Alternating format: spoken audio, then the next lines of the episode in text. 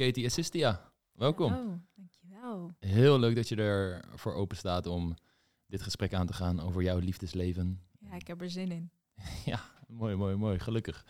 En ik ken je als iemand die best wel makkelijk over dingen praat. Dus ik ben heel erg enthousiast dat je jezelf gaat openstellen voor wat je hebt meegemaakt. Omdat ik denk dat het heel erg herkenbaar gaat zijn voor sommige luisteraars, luisterarinnen van Mannenbrein. En het interessante is, eh, je bent 23 jaar oud, Ja. single op dit moment, ja, ik ben aan het daten op dit moment. wel aan het daten. Kijk, Ja. dat maakt het extra leuk, omdat het de meeste luisteraars van mannen, Mannenbrein ongeveer een derde hebben een relatie. En de rest is nog datende met een man of single, Kijken gewoon zoekende. en En- zo, ja, ja. ja, zeker. En het hele doel van deze gesprekken is dat we gewoon echte mensen die echt aan het daten zijn, allerlei dingen meemaken en daar open over vertellen. En dat gewoon gaan ontleden. Dus van hoe die moderne datingwereld eruit ziet en hoe dat allemaal, allemaal Ja. aan toe gaat. Het is heel complex soms. Maar Mhm. aan de ene kant ook wel heel simpel. Wat, wat maakt het complex volgens jou? Ehm, ja, ik denk dat iedereen wel ergens tegenaan loopt. En eh, is- soms moet je dat gewoon ja, ondervinden. Maar het is altijd best wel lastig soms. Waar moet je beginnen en Mhm. moet je bepaalde dingen doen? Ja, je Ja. mag de microfoon nog iets meer naar je toe draaien. Dat je, ja, zo, top. Zo? Ja, dat is beter. Ja, ik hoorde mezelf soms niet. Maar ja, ehm, het is soms gewoon een beetje lastig. Want ehm, je hebt soms gewoon gedachten die je niet echt hebt kunnen ehm, ja, een plekje kunnen geven. Ik denk dat als jij aan het daten bent en je bent je leven aan het. Doe ik maar. ga het fout, hè? Ja? Als je aan het daten bent en je bent je leven een beetje aan het delen met iemand anders, eh, moet je ook wel soms een beetje begrijpen hoe jouw leven in elkaar zit. Mm. En Ja. dat is niet het geval vaak bij de meeste mensen. Die denken ook van, oh, ik ben maar iets aan het doen. Ja, en bedoel je dan, ik ben maar iets aan het doen van in, in het leven aan zich, of gewoon meer in de situatie en de dynamiek tussen jou en een man? Ja, gewoon mijn leven over het algemeen. Niet specifiek over een man nu, maar over het algemeen hoe ik aan het leven ben en wat ik allemaal wil doen en bereiken in het leven. Ja, ja, ja, ja. Ja, ja dat is ook wel een dingetje. Ik, ik kan me goed begrijpen, goed herinneren toen ik 23 was. Dat was het moment dat ik mijn eerste officiële training meeliep als datingcoach. Ja. En eh, ik wist altijd al tot mijn, vanaf mijn achttiende dat ik dit wilde doen. Mijn broer gaf me een boek. Het ging over datingadvies van mannen. Het heette The Game. Verschrikkelijk boek qua adviezen die ze geven, maar qua inhoud als in... Ja, zeker. Omdat het, het opende voor mij deze hele wereld. En ik dacht, wat? Bestaat dit überhaupt? Datingadvies en zelfontwikkeling? En is dat dan mogelijk? Want blijkbaar... ehm, Klinkt een ik- beetje als een droom, of niet? Als je 18 bent. Absoluut, absoluut. Want kijk, je hoort wel dat je jezelf kan ontwikkelen en moet opleiden. Dat is wel een boodschap die je meekrijgt, gewoon op school. En dat je moet leren. Maar wat ik merk, en dat is ook iets interessants wat ik zelf veel heb meegemaakt bij eh, toen ik, voordat ik datingcoach werd, nog trainingen gaf op middelbare scholen. Is dat er heel veel mensen vastzitten in een soort fixed mindset waarbij ze denken, ik ben nou eenmaal zoals ik ben en ik kan weinig veranderen. En toen ik opeens de boodschap voorgeschoteld kreeg van, ja tuurlijk, dat is zo. Iedereen heeft een bepaald karakter meegegeven, fysieke eigenschappen. En dat is rekbaar, maar het is niet dat je van 1,50 naar 2 meter kan groeien of zo. Dat gaat Nee, niet gebeuren. Nee, die dingen kunnen niet. Helaas niet, maar dat het wel mogelijk is om in ieder geval te ontwikkelen, eh, ook op sociaal gebied, op datinggebied en de liefde, dat was voor mij echt zo'n epiphany van wow, Ja. dit verandert hoe ik naar de wereld en naar mezelf kijk. En toen is die hele reis begonnen van dit achterna gaan en, en daar kwamen allemaal twijfels bij kijken en zo. Maar ik heb, er, ik heb mezelf vaak afgevraagd en de reden dat ik het vertel is omdat ik zat te denken, ja, wat zou ik gaan doen als mijn broer dat boek nooit gegeven had? Oh, Stel, het was niet op mijn pad gekomen. Wie was ik dan nu? Want Wat zou je zeggen dan? Heb je daarover nagedacht? Ja, en ik ben, voordat ik psychologie ging studeren, fiscaal recht gaan studeren. Om de, de prachtige reden, ik was 18 Eh, heel jaar. toevallig, ik heb ook recht gestudeerd. Ja, Ja. ja. ah. Ja, ik ben benieuwd of je dezelfde reden ook had als ik. Ik, eh, ik ben rechten gaan studeren omdat ik met mijn beste vriend toen de tijd nog op de middelbare school keek naar opleidingen. Mm. En het gemiddelde startsalaris wat je daarna verdient. En want mijn mindset was letterlijk toen ik 18 was, Geld verdienen. ja, Oké. Ja, nee. want ik nee, weet niet wat ik wil gaan doen. Dat was nog voordat ik dat boek had gelezen. Dus eh, ik kan maar beter zoveel mogelijk geld verdienen, want dan kan ik in mijn vakanties leuke dingen doen en misschien met vervroegd pensioen. Dat was mijn mindset. Veel avonturen beleven wou je, ja. Ja, en eh, daardoor ben ik toen rechten gaan doen. Maar toen las ik dus dat boek en ging ik meer over mijn leven nadenken. Wat denk ik ook wel natuurlijk is, begin twintigste, dat je wat volwassener gaat worden en de wereld anders gaat zien. Ja, je gaat echt nadenken over wat je echt wil gaan doen in het leven. Ja, precies, precies. En eh, ja, vanaf dat moment is eigenlijk, ja, toen ik rechten ging studeren, en ik wist toen al wel van, oké, dit is het niet, dan ben ik psychologie gaan doen. En ik denk dat als ik dit boek nooit gekregen had, dat ik psych- waarschijnlijk psycholoog geworden. Want dat was een droom die ik al rond mijn 15 en 16 aan het ontwikkelen was, omdat mijn vader psycholoog was. Mijn broer ging psychologie studeren. Uh, mijn moeder die werkte met, eh, met kinderen, en, uh, maar wel op een psychologisch vlak. Moeilijk opvoedbare kinderen, kinderen met ADHD en noem maar op. Dus het gesprek thuis ging heel vaak over dat soort zaken. En dat integreerde me altijd diep. Dus ik denk dat ik gewoon psycholoog was. maar jouw baan op dit moment is niet heel ver van psy nee, psychologie. eigenlijk. Nee, het is... Op zich doe je hetzelfde. Ja, um, dat is het hele interessante. En ook voor deze podcast ga ik veel psychologen uitnodigen. Omdat dat snap ik. zelfs in onze coaching gebruiken we technieken uit cognitieve gedragstherapie, uit acceptance en commitment therapie, uit uh, bepaalde innerlijke kindvisualisaties, die je ook weer in bepaalde therapievormen terugziet. Dus er zit gigantisch veel overlap. Alleen um, wat ik interessant vind, is dat je als coach minder gebonden bent aan de protocollen die de instelling jou voorschrijft aan de hand van de diagnosticering die je. Ja, dus zeg maar psychologie specifiek is wat strenger dan uh, wat je nu aan het doen bent. Ik ervaar meer vrijheid, ja. Ja, ja. En um, die vrijheid is ook weer belangrijk dat je niet gaat denken dat je een soort superman bent die alles kan oplossen. Dus stel mensen komen bij ons met zware problematiek, denk aan trauma's en noem maar op. We verwijzen altijd door, ga EMDR doen, gaan. Um, en heel vaak, ja. ja, en heel vaak zeggen we ook, um, die het traject bij een instelling of bij een psycholoog sluit de coaching niet uit. Vaak is het een synergetisch effect. Wat je daar leert sluit heel goed aan op wat wij doen. Mm. Alleen wij hebben een unieke invalshoek door middel van liefde, dating, die je nergens anders krijgt. Ik bedoel, gisteren nog een coaching sessie met een dame waarbij ik um, op een gegeven moment vraag gewoon naar haar WhatsApp gesprek met een man, want dat wil ze, daar wil ze graag feedback op. En dan gaan we die berichtjes zitten ontleden en vertellen hoe zo'n man denkt, wat hij doet, de dynamiek tussen haar en hem. En het interessante, dat als je op zo'n manier gaat coachen, dat in haar berichten zitten heel veel van haar innerlijke struggles, als het ware. Als je haar meer pusherige berichtjes ziet sturen, ja. dan is dat een symbool van iets wat dieper ligt, namelijk een bepaalde onzekerheid die ze in dat, in dat contact ervaart. En een hele erge uitkomstfocus van, oh, ik wil graag een date met deze man en het moet lukken. Dus zij, dat zie je terug in haar gesprek Ja. met hem. Ja, Ja, en dat, ik denk niet dat de gemiddelde therapeut snel tegen je zal zeggen van, hé, hey, Ja. laat me even je Tinder-gesprek zien of zo. Weet je? Dat, ja dat, is, um, dat is ook wat moderner dan, hoe, hoe jullie dat doen. Want tegenwoordig is alles online en uh, Ja. ook dating nu. En alle, ja, de, depressie komt ook online voor. Ik bedoel, Instagram en social media.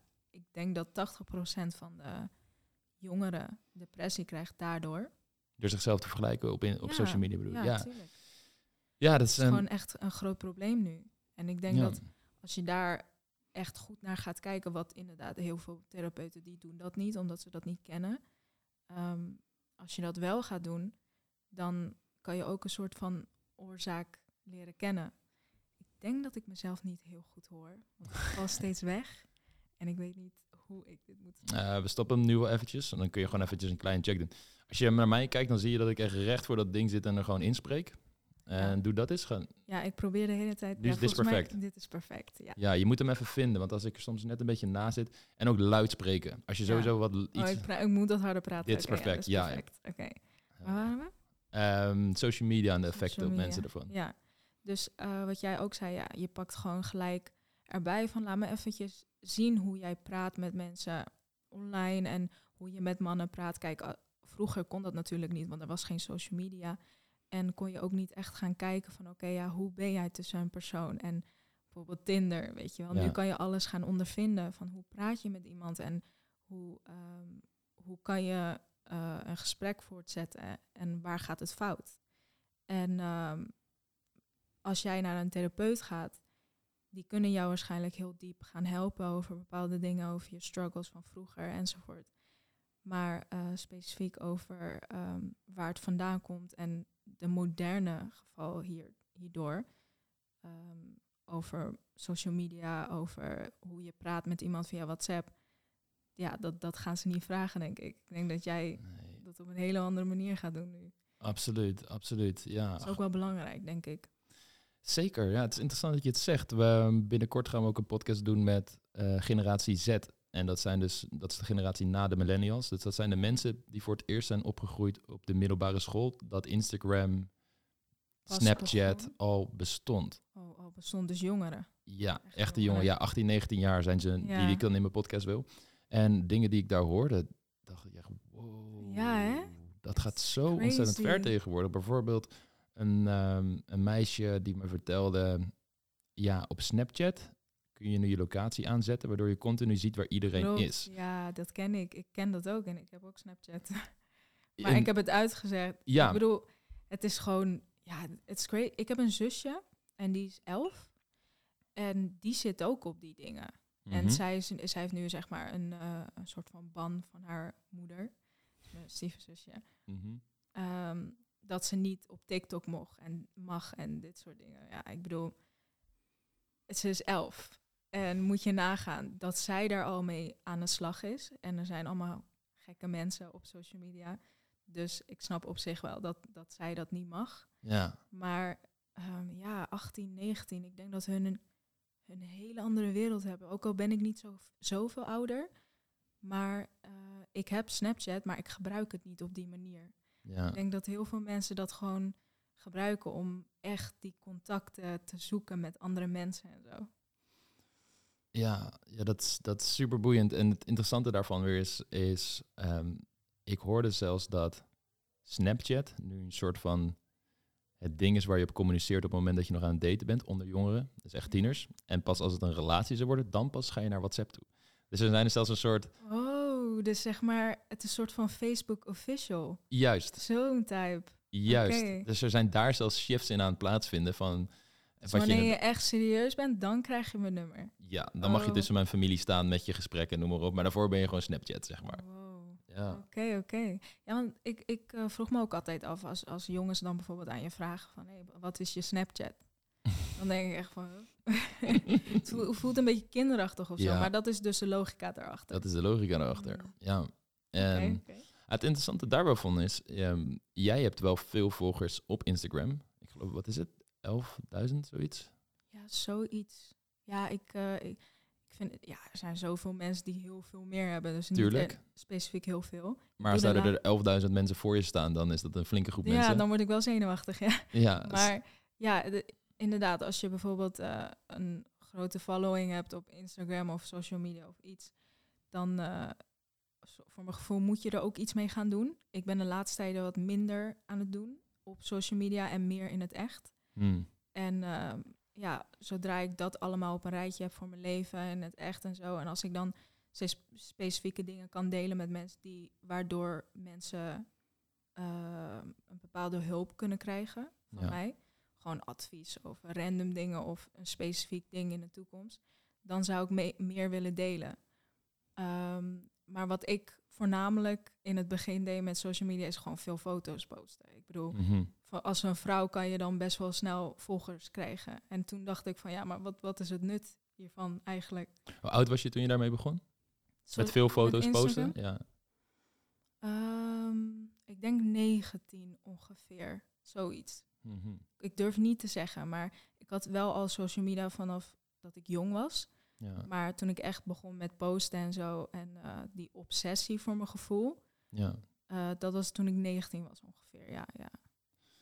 Ja, het interessante daarvan is, is de aandacht en validatie die je via socia- sociale media krijgt, een, Mm. een soort hedonistisch kortstondig effect kan hebben dat je je eventjes plezier voelt. Ja, het is gewoon een soort- momentopname of zo. En dan daarna voel je je weer kut. Want Ja, het is Het geen, is- geen blijvend Nee, geluk, het is kortstondig plezier. En, en Dat is ook wat je ziet met, met likes en kijken naar, oh, ik post nu een foto en kijken hoeveel likes die heeft en heeft er weinig. En weet je wel, dat bedoelde ik met die depressie. Mhm. En eh, dat is ook waarom ik zei van ja, wat, wat is wat ik aan het doen ben, wat voor nut heeft dat? Want het maakte mij niet per se gelukkig. Ik Ja. bedoel, als jij een leuke outfit hebt en je hebt een leuke foto en die kan je delen, en natuurlijk is dat leuk, weet je wel. Maar ehm, je doet niet echt iets waarvan ik denk van oké, dit is life-changing. Of dit is echt eh, iets wat, waardoor iemand, waar je iemand mee kan helpen en zo. Weet je wel? Dan, in mijn gevoel is mijn mentaliteit veranderd daarin. Dus Mm. dat is waarschijnlijk, ja. Ik eh, vond de aandacht van mensen ook niet meer zo heel bijzonder. Ja. Dus daar stopte ik ook mee daardoor. Nou, Ik pas de mic nog even één keer aan. Ja? Zeker. Doe maar. Ik denk... Zo, ja, je blijft nu wel de hele tijd op hetzelfde Ja. tonig. Nee, nu is het weer een beetje laag, of niet? Ja, iets. Zo, dit. Dit is Dit is perfect. perfect. Oké. Ja, dit is perfect. Ja, maar dat is, een- maar dat is het hele interessante. Kijk, hoe zo'n shift bij jou dan teweeg gekomen? Want op een gegeven moment, ik, je post veel. En ik kan me ook in het begin echt wel begrijpen van... nee, ik ga zoiets opbouwen. Misschien kan ik er eh, Iets mee doen mee later. doen. Ja, het is, en er zitten ook mooie kanten aan. Namelijk buiten je comfortzone gaan jezelf meer laten zien. Ik zie het nooit zo zwart-wit dat het per definitie slecht is. Net zoals Nee, natuurlijk niet. Ja. ehm, soms kan een mooie foto, ondanks dat je er niemand direct mee helpt, wel waarde hebben. Puur als Ja, een soort van daar- artistiek ding, weet je wel. Ja, het is zeg maar ook gewoon leuk om te doen, toch? Ja. Eh, Het is ook een fulltime baan. Sommige mensen die Ja, maken gewoon foto's en die krijgen daar geld van. Dus het is iets heel moois zelfs. Maar ja, ja specifiek bij mij, ik had gewoon het gevoel van ja, ik krijg aandacht van jongens en ik krijg Mhm. aandacht van, van mensen. En het doet me gewoon niks. Weet je wel? Het is, het, soms was het gewoon ook best wel negatief. Dus Mm. in mijn hoofd dacht ik van ja, maar dan moet ik, ik ga stoppen met bepaalde foto's posten. En ik ga alleen dingen doen wat mij specifiek blij maakt. En niet alleen om foto's te posten, om dat Ja. gewoon te doen, weet je wel. Maar inderdaad, wat jij zegt van ehm, sommige foto's zie je ook als art. En dat vind ik ook heel mooi. mm. Dat is ook waarom Instagram zo groot is. Ik denk dat Ja. heel, ja, het is entertainment. Entertainment. Dus mensen die, die eh, posten en mens, andere mensen die kijken en zo gaat dat steeds door. Ja, Ja. En aan het begin deed je dus dan meer, oh, een grotere drijfveer was ook aandacht en validatie krijgen online. En dat doet je goed voelen over jezelf. Hoe, waar Nou, niet, dat dus niet bij mij eh, Oh, specifiek. Ik weet dat veel mensen dat, doen? hebben. ah, ik dacht dat je het ook over jezelf had. Nee, want Ah. ik, ik krijg er een beetje... Ja, ik heb een beetje anxiety. Mhm. Dus ik heb het gevoel dat het juist tegenwerkt bij mij als ik te veel aandacht krijg. Het is natuurlijk wel gewoon, eh, als jij aandacht krijgt als een persoon, en het is positieve aandacht, dan ehm, merk je wel van oké, je, je bent mooi of je doet iets goed, toch? Het is Mhm. een soort van ehm, gevoel die opgewekt wordt, waardoor je je goed voelt. Dus ik merkte dat wel hoor. Het was niet dat, dat als ik aandacht kreeg dat ik het alleen maar kut vond. Maar ja. het was gewoon wel ehm, een positief gevoel. Maar ja, dan bij positieve aandacht, daar komt ook negatieve aandacht bij. Want niet iedereen die ehm, houdt van wat jij doet. ja. Dus er zijn altijd wel mensen in een groep van 11.000 die jou dan het gevoel geven van ja, eh, alles wat jij doet is verkeerd. Mm. Toen dacht ik van ja, maar dan ik ga niet mensen pleasen die ik niet ken. Ik ga doen wat ik fijn vind. En eh, er volgen altijd mensen die dat ook fijn vinden. En die, die zullen mij daarin begrijpen, zeg maar. Ja. Ja, nee, ik snap je helemaal. Het is ehm, hetzelfde met mannenbrein. Sommige keuzes maken we echt puur op basis van dit vinden we gewoon vet om mee bezig te zijn en, en te doen. Hetzelfde met zo'n podcast. Ja, ja, voor mij is dit gewoon wat ik wil doen. En Ja, niet per se ik. van, oh, is dit goed voor de business? Moet ik mijn tijd niet in, in andere dingen stoppen, in meer sales marketing en dat soort stuff. Nee, dit is gewoon wat ik wil doen. En eh, ik geloof er ook heel erg in als je zo in het leven gaat staan, dan dat negatieve feedback je minder gaat doen. Je kan er objectiever naar kijken. Want heel soms krijg ik een comment en eh, dit, dit komt gelukkig bijna nooit voor überhaupt dat mensen geen goede ervaring met ons hebben. Mhm. Maar als ik ze krijg, ik neem ze altijd serieus. Zelfs als ik zie van deze persoon ehm, reageert Uit eh, heel gevoel. veel ego, pijn die niks met mij te maken heeft. Alsnog probeer ik wel te zien van zit er iets in wat ik wel kan meenemen. Mhm. En mezelf dus te, ja, te, de feedback te objectiveren en het Ja. niet zo persoonlijk te nemen. En als persoon, ja, als bedrijf snap ik dat heel goed. Ik bedoel, ja, je moet 100% luisteren naar de mensen waar je mee werkt. Kijken of je kan groeien. En ehm, als individueel persoon is dat ook zo. 100%. Maar ja. als jij soms comments krijgt, waar, gewoon als, oh je bent lelijk. Of, Mm, eh, oh jouw eh, shirt die zit raar. Oh je lichaam, je bent te dik. Of je bent te Mm. dun, weet je wel. Ik persoonlijk dat ik denk niet dat jij daar twee keer naar hoeft te kijken of naar te vragen. Of, weet je wel? nee, ik snap helemaal wat je bedoelt. Ja, nee, absoluut. Kijk, er, er zijn mensen, een soort galspuurs die gewoon negativiteit de wereld in brengen. Ja. En eh, dat komt vanuit een hele vervelende plek waar die mensen zelf in zitten. En zolang je dat inderdaad Dat geloof ik ook inderdaad. kan zien, dan, eh, ja, dan weet je, dan, dan is het makkelijker loslaten. Ja, zeker. Dat zal er altijd jong, zitten. jong persoon heb je niet echt het besef dat die mensen dat vaak uit hunzelf afreageren. En niet dat jij dik bent of dat jij lelijk bent. Ik bedoel, dat, eh, En dat is het moeilijke ervan als je er inderdaad op je 19 mee begint en dan je laat staan op je 13e of op je Precies, 11e, ja. zoals je stiefjes dan zou hebben. mhm. En ja, dat zijn de, de, real, de real deals. Mm. Ja, daar beginnen die onzekerheden. Want je denkt, oh, ik ben, ik ben verkeerd. Terwijl het zijn gewoon woorden. Het, Ja. het heeft helemaal niks met jou te maken. Eh, jij bent goed genoeg. En daaruit kan jij jezelf veel meer verbeteren. Mhm. En eh, ja, inderdaad, als je... Kijk, weet je wat het ook is? Als jij als jong persoon geen tegenslagen meemaakt... dan weet je waarschijnlijk ook niet hoe die, ehm, hoe, hoe die positieve dingen zijn uiteindelijk. Want ja, ik bedoel, met negativiteit... je weet niet hoe positiviteit is als je geen negativiteit meemaakt. Lijkt Mhm. mij, toch?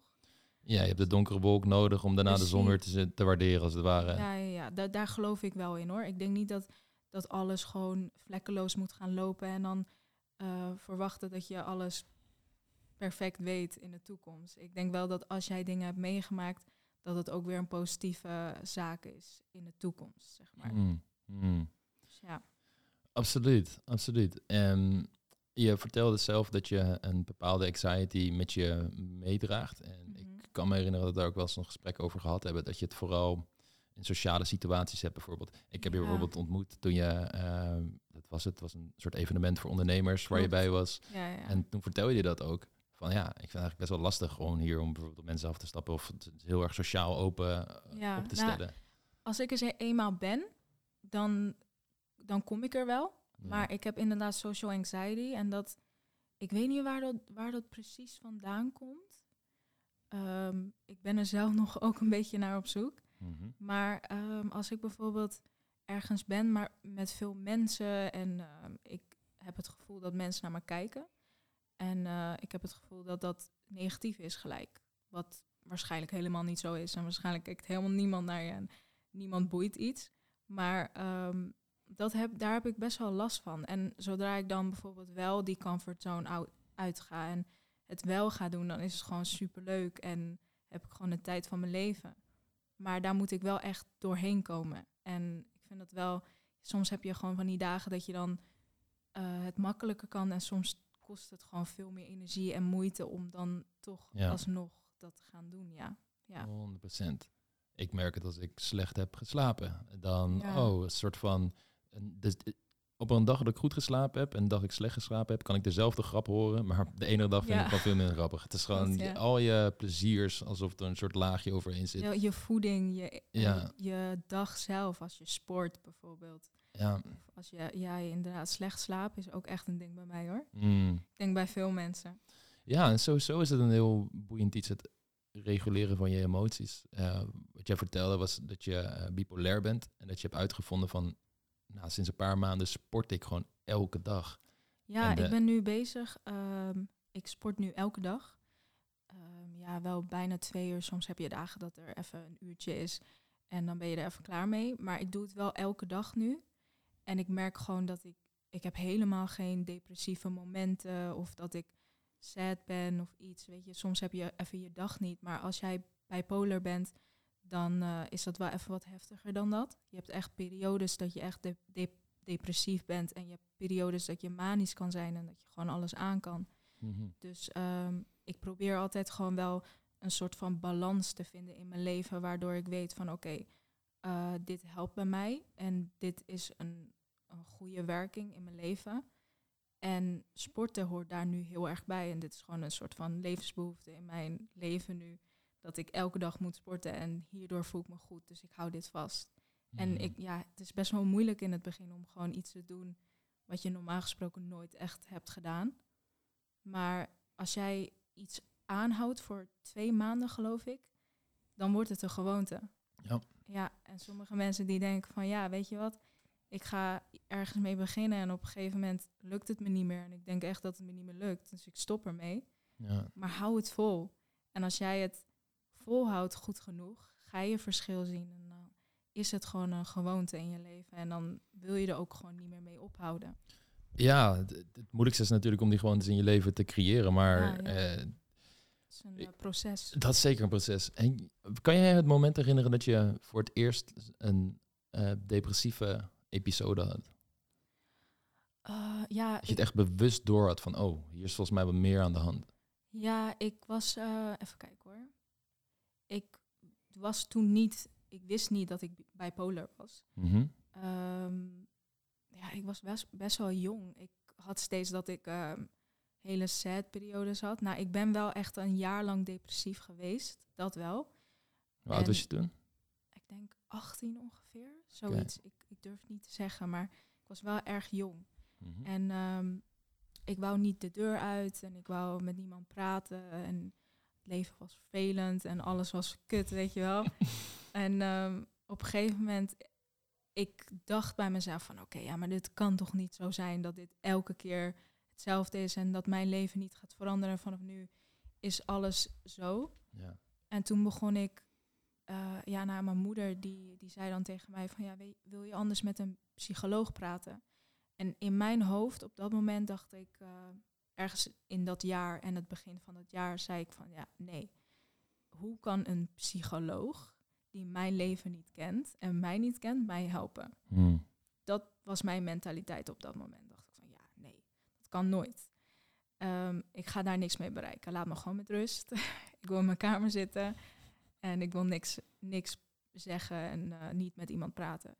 Maar na die jaar, toen dacht ik van ja, maar dit, dit kan niet meer. Je kan niet zo elke keer ehm, thuis zitten en denken dat alles vervelend is en niks is on your side. Dus ehm, toen ben ik uit mezelf naar mijn moeder gegaan. Toen heb ik tegen haar gezegd van hé, hey, ik, als het nog on the table is, wil ik dit wel heel graag proberen. Ja. En ehm, ja, het was een soort van knop in mijn leven, wat, of in mijn hoofd, wat om is gedraaid op één dag. Gewoon van hé, hey, ik ben er klaar mee en ik wil een verschil maken hierin. Dus ehm, ik denk ook wel dat mensen die depressief zijn en die het heel vervelend of een heel vervelend gevoel hebben, Mhm. dat zij zelf eruit willen komen. Dat zij het zelf willen doen en niet gepusht moeten worden. Hm. Want als mijn moeder mij op dat moment had gepusht en de keer op keer op keer, dan had dat waarschijnlijk tegen me gewerkt. En ze heeft me gewoon gelaten.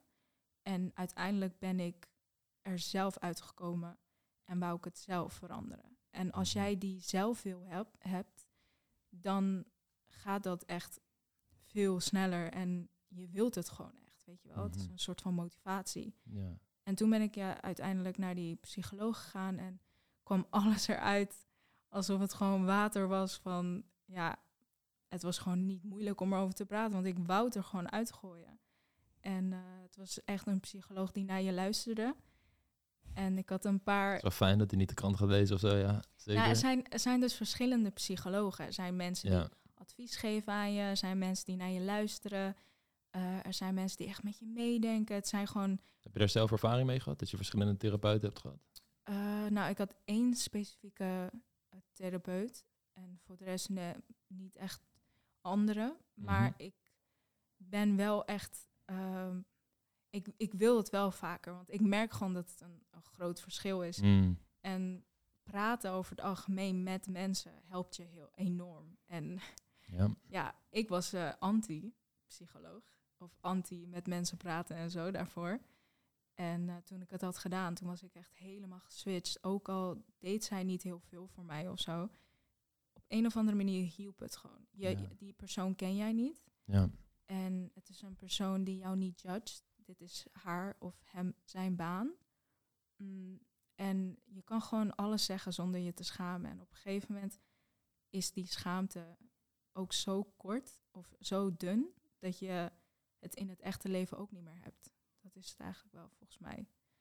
Maar Ja. er zitten heel veel interessante dingen in. eh, ehm, ik weet nog dat Carl Rogers, een hele bekende psycholoog, zijn theorie was van ja, een heel groot gedeelte van therapeutische sessies is eigenlijk alleen al het feit dat er een persoon Komt nieuwsgierig is. En na, Ja. vooral ja, ook, maar ook dat de therapeut luistert. Precies wat je Ja, zegt, dat je gewoon iemand hebt ehm, waar jouw warboel aan gedachten en emoties, waar je eh, nooit licht bij schijnt en alleen maar zelf mee worstelt, naar iemand anders uitspreekt, die ook nog eens met volle aandacht naar jou luistert. Dat heeft al een, een soort helend en, en ook een effect dat je jezelf beter gaat begrijpen, omdat je die gedachten meer gestroomlijnd gaat vertellen. Je, het is hetzelfde als je iets, een video hebt gekeken over bijvoorbeeld, eh, ik noem maar iets, bitcoin. En opeens moet je het aan iemand anders uitleggen. Als je de video kijkt, denk je misschien, ja, ik snap het allemaal wel. Tot je het moet, iemand moet gaan uitleggen. Ja. En dan kom je achter alle Zoveel gaten in jouw theorie. Ja. En als jij als persoon dat gaat vertellen tegen een psycholoog over hoe jouw leven eruit ziet, opeens kom je erachter, een soort vogelblik die erop werkt, een soort Ja. van eh, helikopterview die je hebt op jouw eigen leven als het ware. Van, oh, zo ziet het er allemaal uit. En, Ja. Oh, ik snap het nu beter. In plaats van dat het maar de hele tijd hier zit. Ik heb dat ook altijd als ik dan eh, iets kijk en dan Mhm. schrijf ik het op.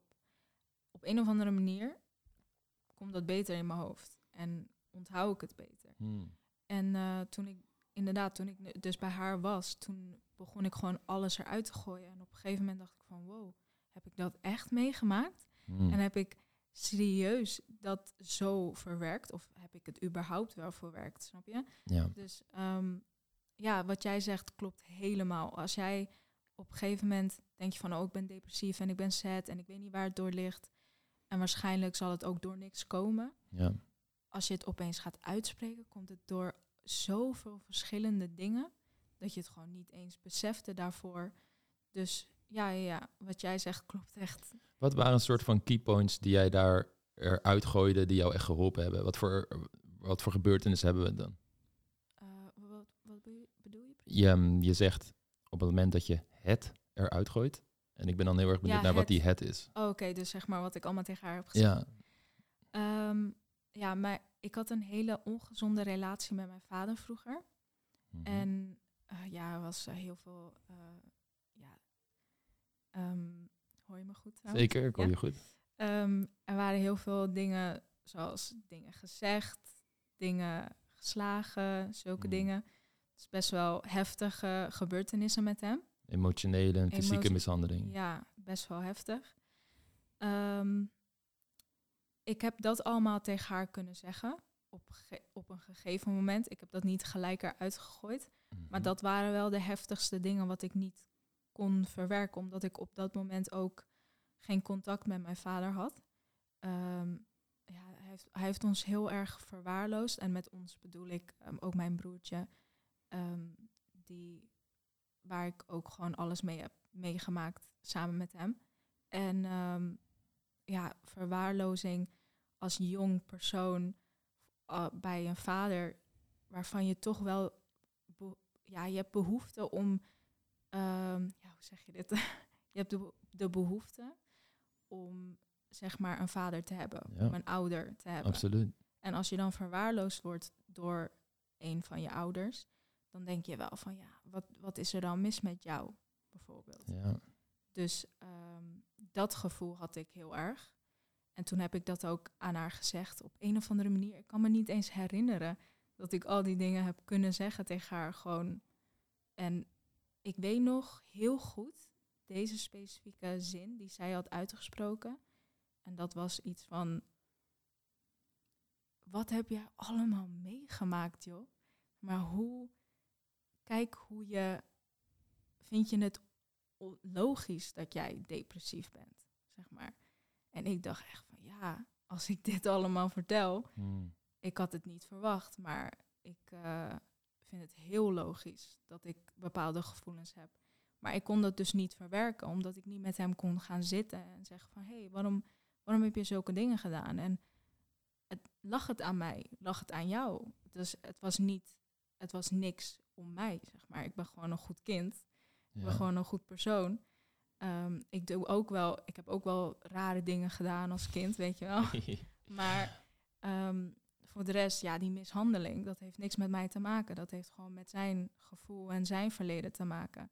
Maar als jong meisje, als jong, jong jongetje, we- weet jij dat gewoon niet. Hmm. Dus ja, De distinctie die je daar leerde, als ik het samenvat, is dat, er, dat je erachter kwam van, oh, er is niks mis met mij, maar er zijn dingen gebeurd waardoor ik mij in deze situatie verkeer.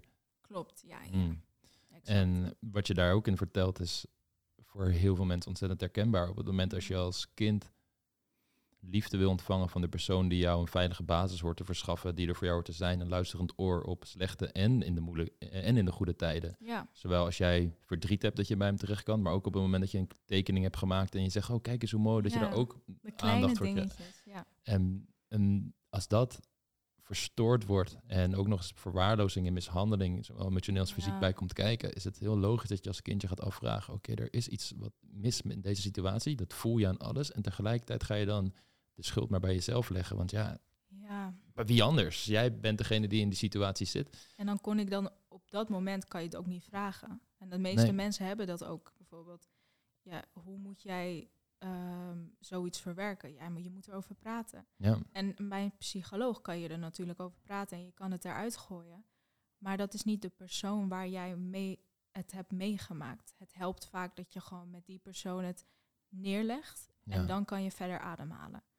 En eh, ik heb nu sinds, ik denk drie jaar, wel weer contact met mijn vader. En ehm, hij is een man waardoor ik, ik, ik ben nu ouder en ik begrijp hem en alles wat hij zegt beter.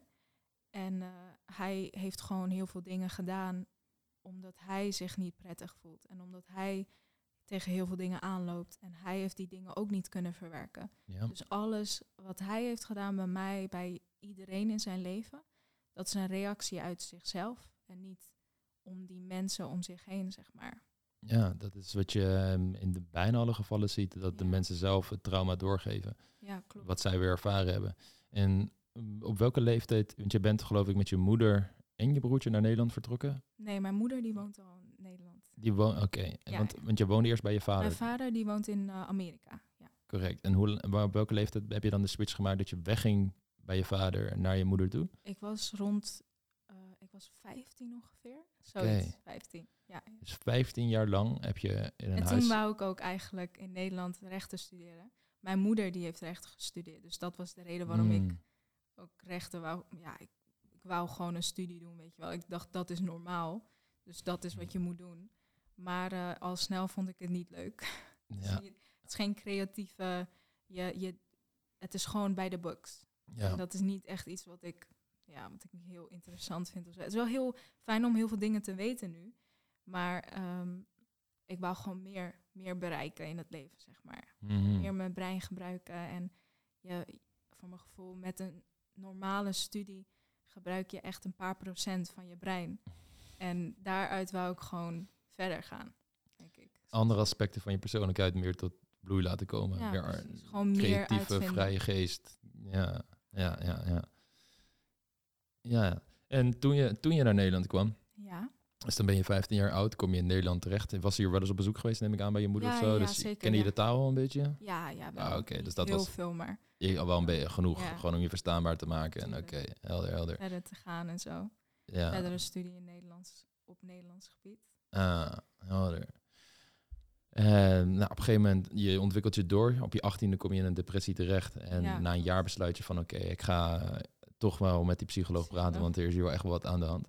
Kan je vertellen wat de mindset was die je voordat je die keuze maakte? Dus toen je nog in weerstand zat en dacht van, ja, psycholoog gaat mij helemaal niet helpen. Ik, wat waren de um, overtuigingen die jij had op dat moment? Ja, dit, dit gaat zo raar klinken. Maar ik zat op de bank. Je bedoelt wanneer ik dacht van, oh, ik ga nu naar een psycholoog, toch? Ook. En nog een stukje ervoor. Maar laten we hier dan bij beginnen. Oké, nou, ehm, ik zat op de bank en ik ging letterlijk tegen mezelf praten. Echt als een psychopaat. Gewoon. ik, Ja, dat doe ik nooit hoor. Nee. ja. Nou, ik, ik praatte dus met mezelf en ik zei van, ja, geef me een teken van eh, als er iets gaat veranderen. Het gaat beter worden, toch? Mhm. Ehm, en het regende buiten super hard. Zoals elke dag in Nederland. Maar ehm, op een gegeven moment toen ik dat zei... en een paar seconden later scheen de zon su- volop in de woonkamer... waar ik zat, zeg maar. En voor mij was dat... En misschien is dat toevallig. En oh, op een of andere manier denk ik dat tekens en en rare dingetjes in je leven, ja, geloven en zo, dat dat allemaal heel veel ehm, kracht aan je geven. Dus weet je wat, ik denk ook dat het een teken was. En ehm, op een of andere manier gaf dat, was dat een kleine push voor mij die ik de laatst, als laatst nodig had.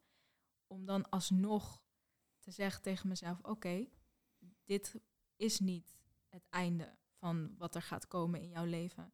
Je kan een verandering inbrengen en dat ga jij nu, dat ga je nu ook doen. Hmm. En dat was eigenlijk die push voor mij. Dat gewoon het ene zonnestraal in mij. Op een of andere manier. ja. Ik- als ik het ook uitspreek, dat klinkt gewoon zo gek. Maar dat was, was het wel voor mij.